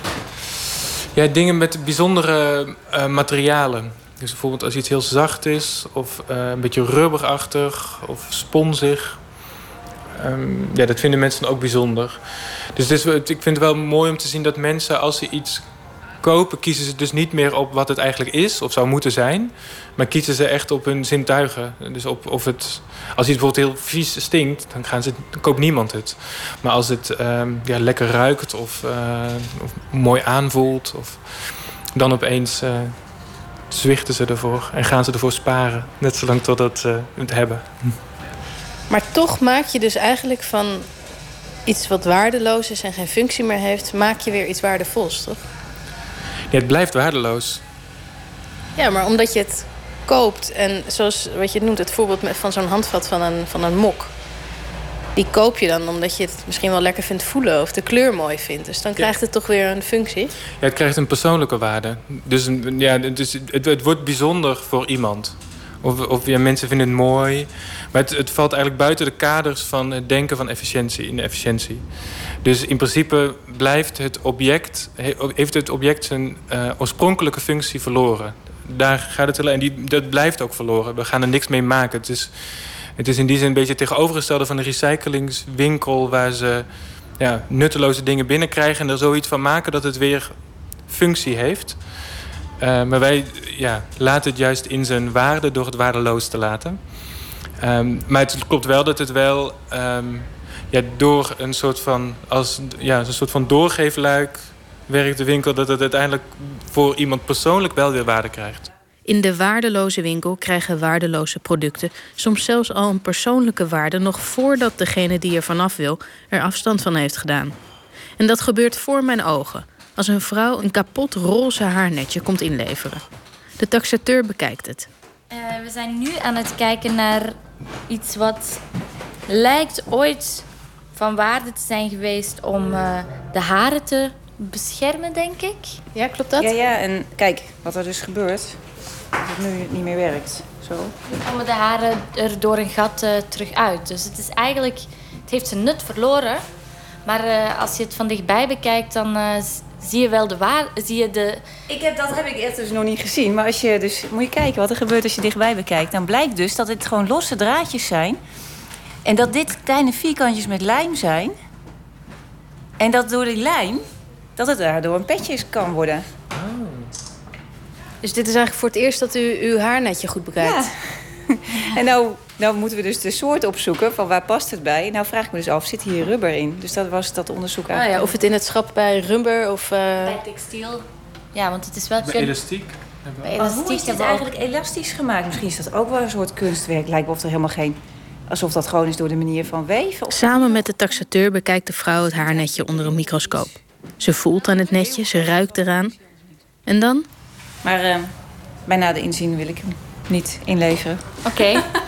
nou, als u nog... Het had wel eens- leuk gestaan bij jullie, maar eh, een beetje roze erbij en zo. En mevrouw, wat gaat u er dan mee doen? Ik denk dat ik mijn eigen expositie begin. eh. ja. Dus u kwam hier met iets waardeloos, dacht u? Ja. U bent het beter gaan bekijken en plotseling heeft het voor u waarde gekregen. ja, ik wil dit wel zo direct aan iedereen laten zien. Gisteren was ik aan het lunchen en toen spraken mensen me aan die eh, zeiden: Ben je van de waardeloze winkel? En die hadden namelijk een uur lang een discussie gehad over waarde. En aan, de hand van de winkel en wat nou eigenlijk waarde is. En eh, wanneer iets nou echt zijn waarde verloren heeft. En eh, ja, dat soort gesprekken vind ik ook heel erg interessant. Dus het zet mensen wel heel erg aan denken van... Hoe zit dat eigenlijk met waarde en hoe werkt dat? Ik moet denken aan de mindfulness cursus die ik eens deed. Waarbij we in les 1 een rozijn van alle kanten moesten bekijken, ruiken, voelen. Met aandacht zie je meer. Maar ik zweeg niet. Ja, ik neem een, eh, een, een, een, een stukje draad. Een stof, hoe noem je het? Ja, het is een... eh, ik weet ook niet hoe je het noemt. Ja, het heeft dermate zijn eh, functie verloren dat ik ook niet meer zo goed weet wat het nou oorspronkelijk was. Vanuit die ook wat duurder is. Nou goed, dan eh, ga ik hem afrekenen.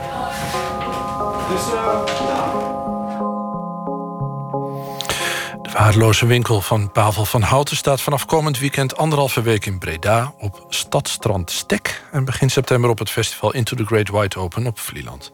Bijdrage was dit van Tjitske Mussen. Eh, de New Yorkse soulman Maxwell werkt gestaag aan het muzikale drieluik Black Summer's Night. Eerste deel verscheen in 2009 en onlangs kwam het tweede deel uit. En daarvan is dit het nummer Lost. I love you, babe.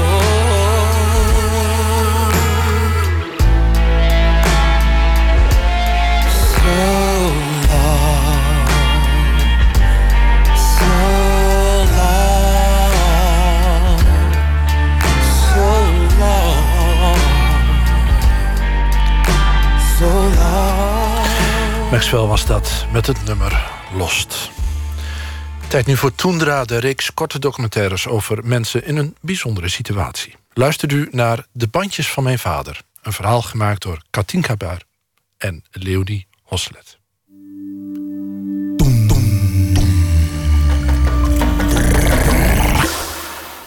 De beste herinnering die Leonie aan haar vader Jan heeft, is dat ze bij hem op zolder plaatjes ging luisteren.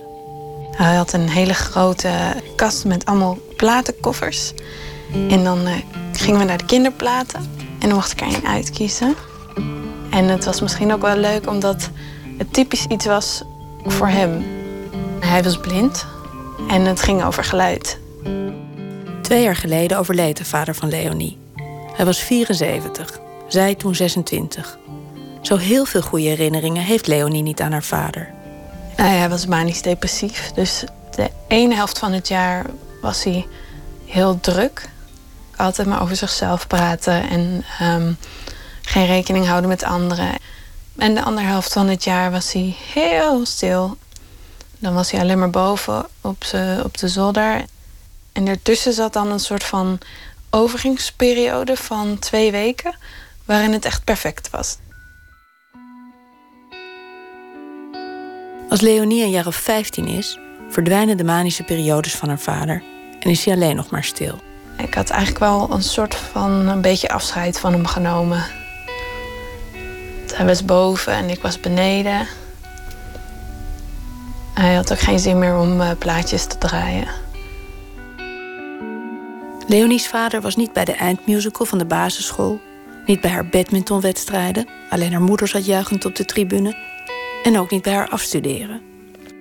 Een moment waarop ik echt merkte dat ik iets miste, was op mijn zestiende toen ik met een vriendin en haar ouders op vakantie ging naar Spanje. En er was een enorme klif.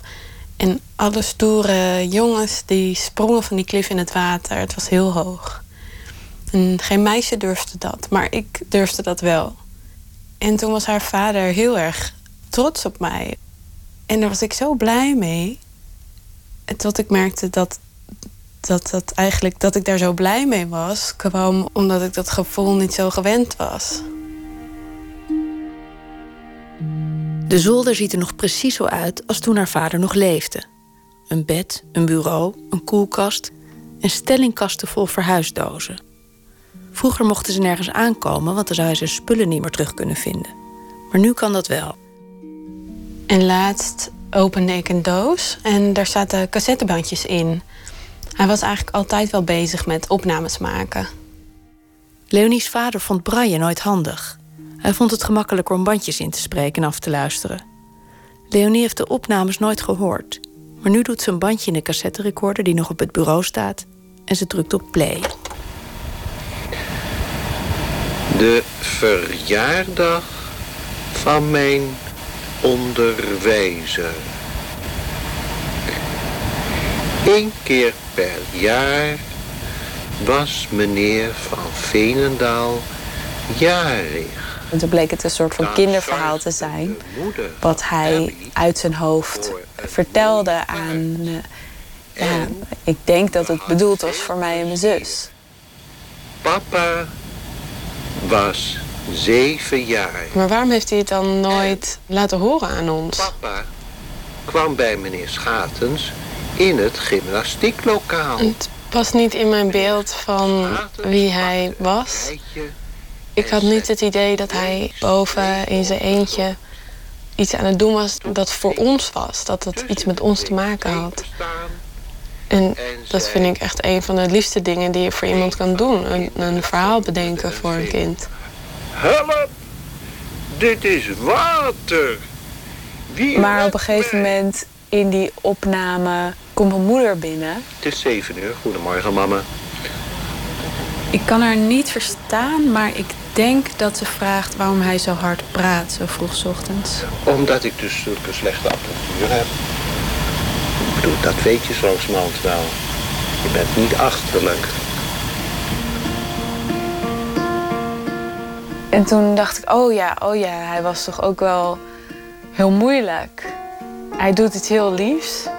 Maar ja, dat is tegen een cassettebandje. En dan voelde het echt als een soort klap in mijn gezicht... dat hij zo naar tegen mijn moeder doet. Toch begint Leonie te twijfelen of het beeld dat ze van haar vader heeft wel helemaal klopt. Ze besluit op zoek te gaan naar alle cassettebandjes. Hier is een doosje. Wat zit daar dan in? Drie bandjes en een plastic zak. Met een koptelefoon erin. Met twee oude sokken aan de oren. Ze vindt ze in een sigarendoosje, in een plastic map en ook in een broodtrommeldeksel vindt ze bandjes. En ze zijn genummerd 1 tot en met 6. 146 bandjes vindt Leonie in totaal. Op de meeste staat muziek en luisterboeken, maar op 12 bandjes is haar vader zelf te horen. Kijk, dit is bandje 2. Hoe is het met Jenny de Boer? Telefoon van Jenny. Hoe hij hier praat, dat is typisch eh, voor hem. Ehm, hij zet altijd gekke stemmetjes op. Bel Yvonne. Je wilt wel met haar, naar haar komen met een taxi. En het lijkt wel alsof hij hier eh, telefoongesprekken aan het oefenen is. Ja, hij vond het moeilijk om een gewoon gesprek te voeren. Mijn moeder is tien jaar geleden naar Thailand geweest. Nu is ze dood. Hoe is het met jouw moeder? Toen ze klein was, schaamde Leonie zich vaak voor haar vader. Als hij rare stemmen opzette in het openbaar, Ik vond dat verschrikkelijk. Ik was gewoon een, een kind en ik wilde dat alles zo normaal mogelijk was. Maar ook gewoon thuis aan de keukentafel vond Leonie het moeilijk om haar vader te horen. Dan praatte hij aan één stuk door. Zei gekke, gekke dingen. En hij eiste de aandacht op. Op een manier die ik niet begreep. En ik wilde gewoon dat, dat hij ophield met praten. Een niet afgemaakte gestalt uit je jeugd. Trauma of leerproces. Ik moet, ik moet ik- ook nu nog moet ik er niet eh, uren achter elkaar naar luisteren. Erin, drop, eruit, Want dan denk ik op een gegeven moment, ja, hou nou maar weer op. spiegelen, reflectie, introspectie. Leonie's vader nam vaak zinnetje voor zinnetje op. Je hoort de recorder steeds aan en uitgaan. Het blaffen van honden lijkt soms op schelden.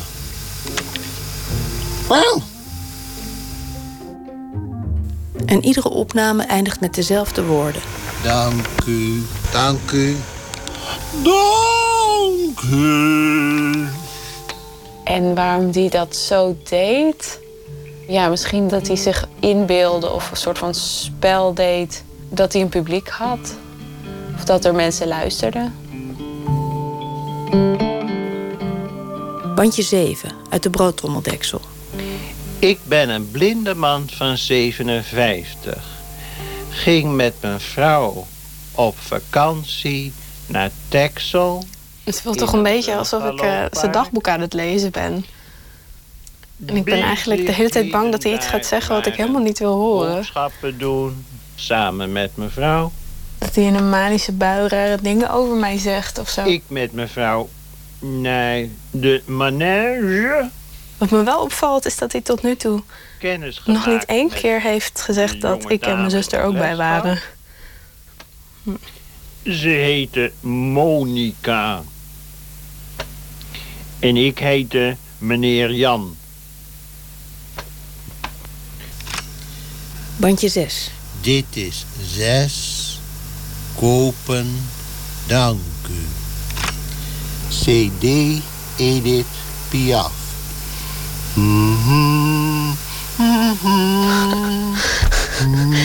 Ja, dit, eh, dit bandje had ik niet eh, verwacht. Ik denk ook meteen dat hij hier manisch was. This land is mine. Dank u. In een gele doos met een logo van Bolsjenever vindt Leonie een opname van een gezinsvergadering tijdens het eten. Wij zitten hier aan tafel. Een opdracht van een familietherapeut waar ze een paar keer zijn geweest. Voorzitter. Leonie hoort voor het eerst zichzelf terug. Leonie. Hoe oud ben jij, Leonie? Negen. Eh, wie is dit? En En dit eh, gezeik hoeft allemaal niet. wie stelt mij even voor te spreken? Nikke! Wie Ja. ben jij? Een grote lul met de behanger eh, die de notalist is of zoiets. En hoe heet die? Die heet Jan en hij is Dat zijn we brutaal. Het gaat er toch om een beetje, er zit ook een serieuze kant aan dit gesprek. En mijn vader die probeert er nog wat van te maken. We hadden de voorstel van Hanna, we openen met een klachtenrandje. Oh, nou. Ik heb eigenlijk niet zoveel klachten. Ik vind dat het de laatste tijd best goed gaat met papa. Alleen hij moet zich wat minder aanstellen.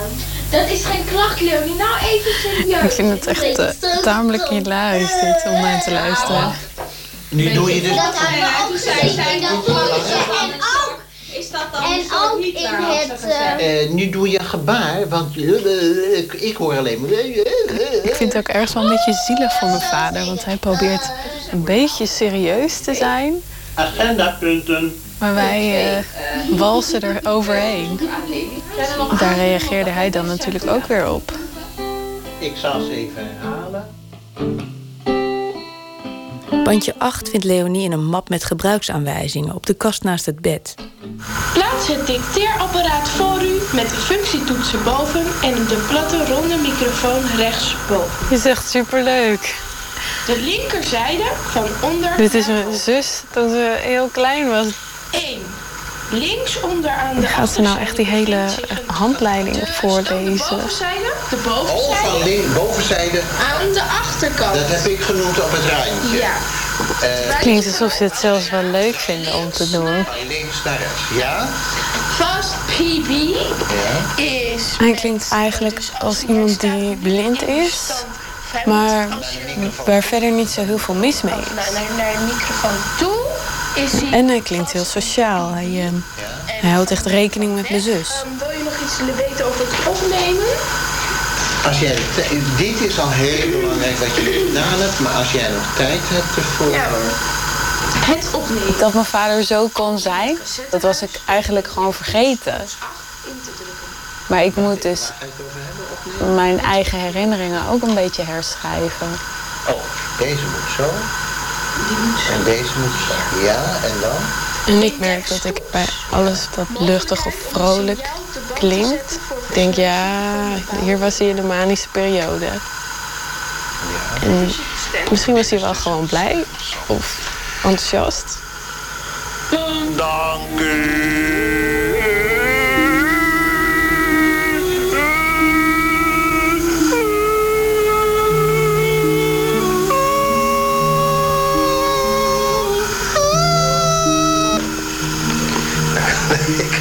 U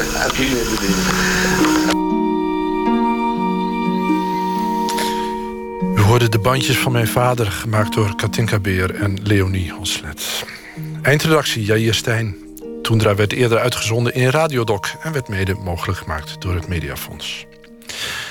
Ja, producer Danger Mouse en zanger CeeLo Green... zijn de twee mannen achter het project Niles Barkley... dat in 2006 een wereldhit scoorde met het nummer Crazy. Hier is een coveruitvoering uit 2008... van het Amerikaanse folk-punk trio Violent Femme.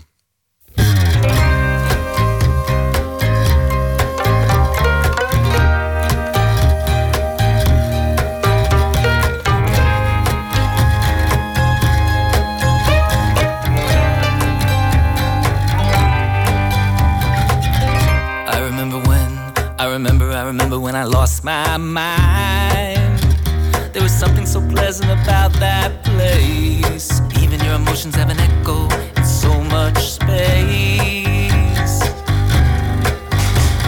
And when you're out there without care, yeah, I was out of touch. But it wasn't because I didn't know enough. I just knew too much. That make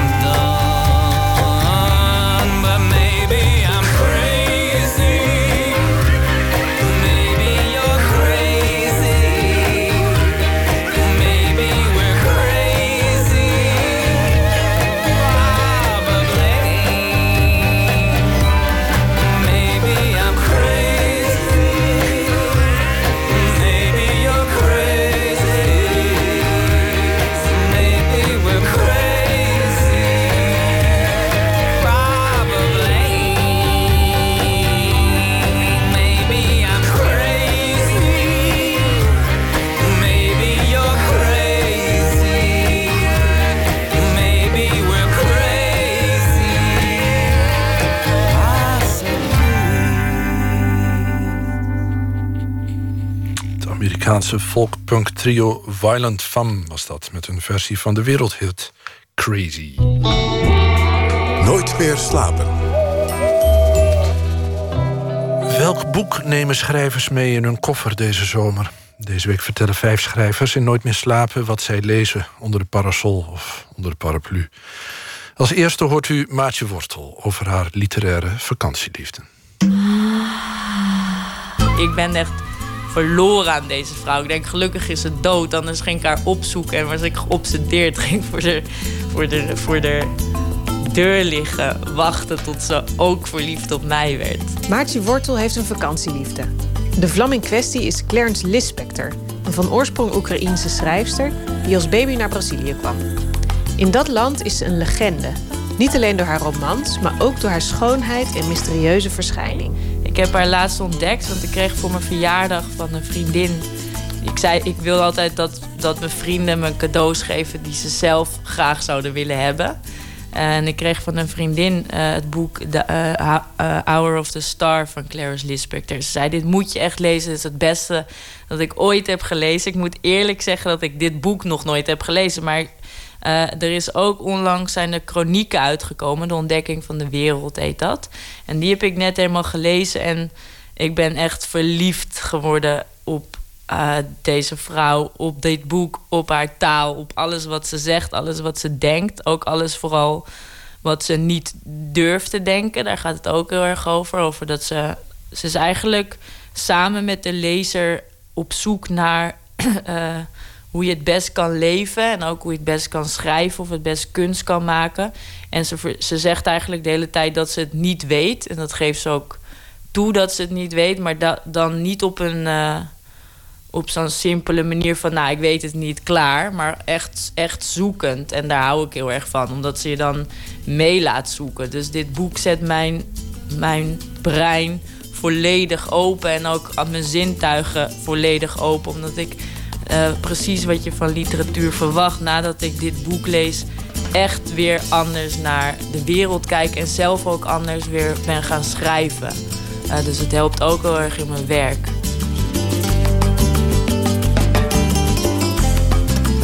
Het scheelde weinig of ze was haar kerstverse liefde alweer kwijtgeraakt langs de Amsterdamse waterkant. Laatst met iemand zat ik langs de waterkant en toen had ik dit boek mee. En ik was het stuk aan het voorlezen en ondertussen werd mijn tas gejat. Daar zat echt alles in, portemonnee, paspoort en zo. Maar ik dacht, ik was ook een beetje dronken toen, moet ik erbij zeggen. En ik dacht, oh, dat boek is gejat. Dat vond ik het ergst. Dat dit boek was gejat. Omdat het, omdat het, omdat het me meteen zo dierbaar was. En dat het meteen zo van mij, ja, dat kan je ook zien, dat ziet de luisteraar nu niet, maar dat, je, dat het dan echt leeft voor je. Dat het boek helemaal stuk gelezen is en dat je dingen onderstreept en, en hartjes zet ik ernaast. En toen dacht ik, nee, dat mag niet verdwijnen. Pak mijn portemonnee maar en alles, maar niet dit boek. Omdat ik eruit had voorgelezen, had ik het eruit gehaald. Dus zo heeft, heeft het boek het gered en is de tas weg.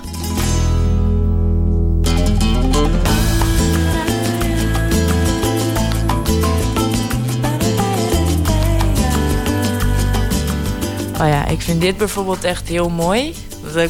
En dat is eigenlijk ook zoals, zoals ik misschien wel haar. Dit zegt ook heel veel over hoe ik in ieder geval haar, haar teksten lees. En dan zegt ze dit. Ik heb iets gezien, echt iets. Het was tien uur s'avonds en de taxi reed in volle vaart over het Praza Tirandentis. Toen zag ik een straat die ik nooit meer zal vergeten. Ik ga die niet beschrijven. Het is mijn straat. Het enige wat ik kan zeggen is dat hij leeg was en dat het tien uur s'avonds was. Verder niets. Maar ik was ontloken. Tijdens haar vakantie leest Maartje Wortel minder boeken dan door het jaar heen. Maar wel altijd precies de goede boeken. Ik weet niet of je dat kent, maar net hetzelfde als als je in een boekhandel loopt en je hebt nog nooit van een bepaald boek gehoord, maar een boek het klinkt nu ook allemaal heel mystiek ineens, maar durf ik, dankzij Clarice Lispector. Een boek kan je echt zo roepen, dat je niet weet wie, maar dat je weet, dit boek moet ik lezen. Dat voel je dan gewoon. En dat is gek genoeg. Op vakantie wel neem ik altijd precies de juiste boeken mee, die precies bij die stemming uh, passen. Dus uh, Dat je, want het is rot als je op vakantie bent en je neemt drie boeken mee. Je hebt in alle drie die boeken niet echt veel zin. Dat kan ook gebeuren. En dan worstel je er doorheen en dan wordt je vakantie ook niet leuker van. Maartje Wortel neemt haar vakantieliefde waarschijnlijk mee in een tentje naar een van de Waddeneilanden. Eh, nee, ja, ik ben ook niet. Je hebt er hier weinig aan, want ik ben ook niet zo'n planner eigenlijk. Ik weet nooit zo goed wat ik ga doen. Eh, ik denk een beetje nee, dat ik een beetje in Nederland blijf rondrijden. Ik heb een auto gekocht dat ik naar, naar een eiland ga en dan kamperen en een beetje zwemmen en verder niet zoveel. De vakantieplannen van Maatje Wortel en haar verhaal over de vakantieliefde Clarice Lispector. Een bijdrage was dat van Inge Terschuren. Eh, voordat hij in 1963 solo ging, maakte Wilson Pickett als liedzanger deel uit van de Falcons. Daarna bracht hij nog een vijftigtal liedjes uit, waaronder You Just Keep Me Hanging On, dat u misschien kent van The Supremes.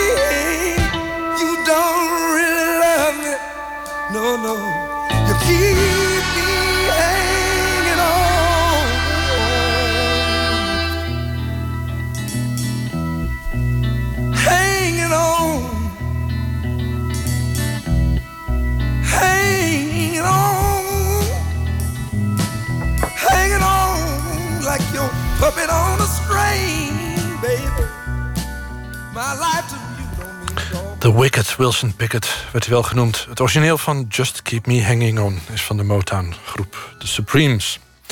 Ook deze week sluiten we iedere nacht af met een gedicht. Een keuze dit keer van dichter en romancier Sascha Jansen. In 2001 verscheen haar eerste roman, De Kamerling. In 2007 publiceerde ze haar eerste poëziebundel. Waarna nog twee bundels verschenen. De laatste, Ik trek mijn species aan, werd genomineerd voor de VSB Poëzieprijs. Het eerste gedicht dat Sascha Jansen uitkoos is van Willem Ties.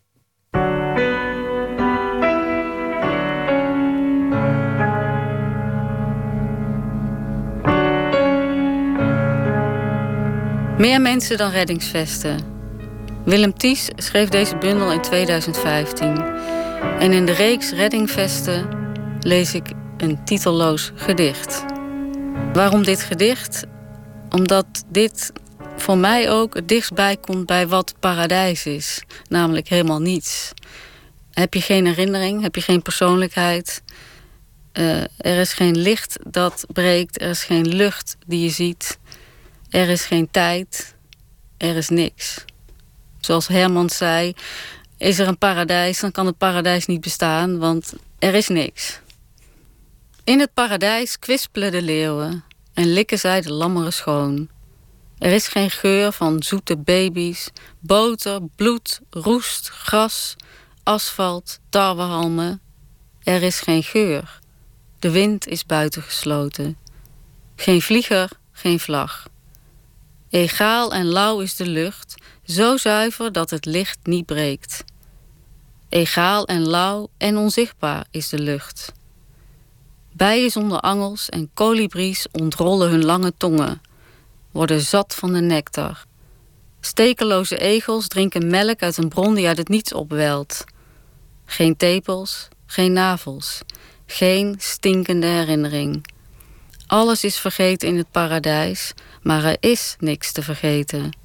We zijn leeg en eten zonder honger, zonder zin.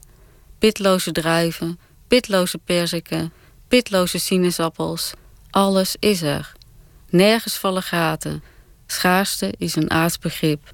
Niets plant zich voort. Niets hecht zich. Nooit zal ik nog sidderen in dit dictatoriale licht.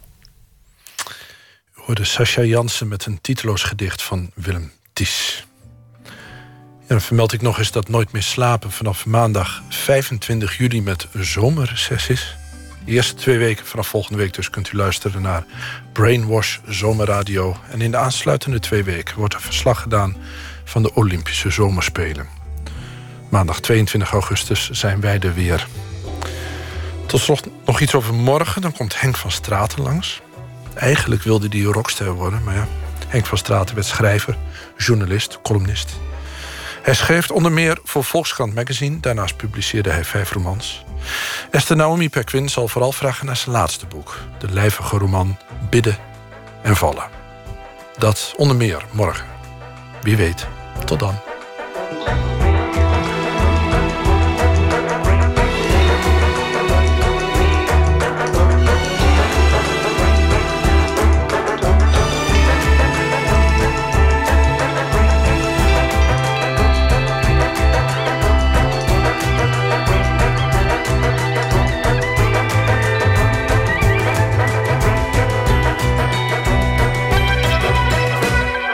Op Radio 1, het nieuws van alle kanten.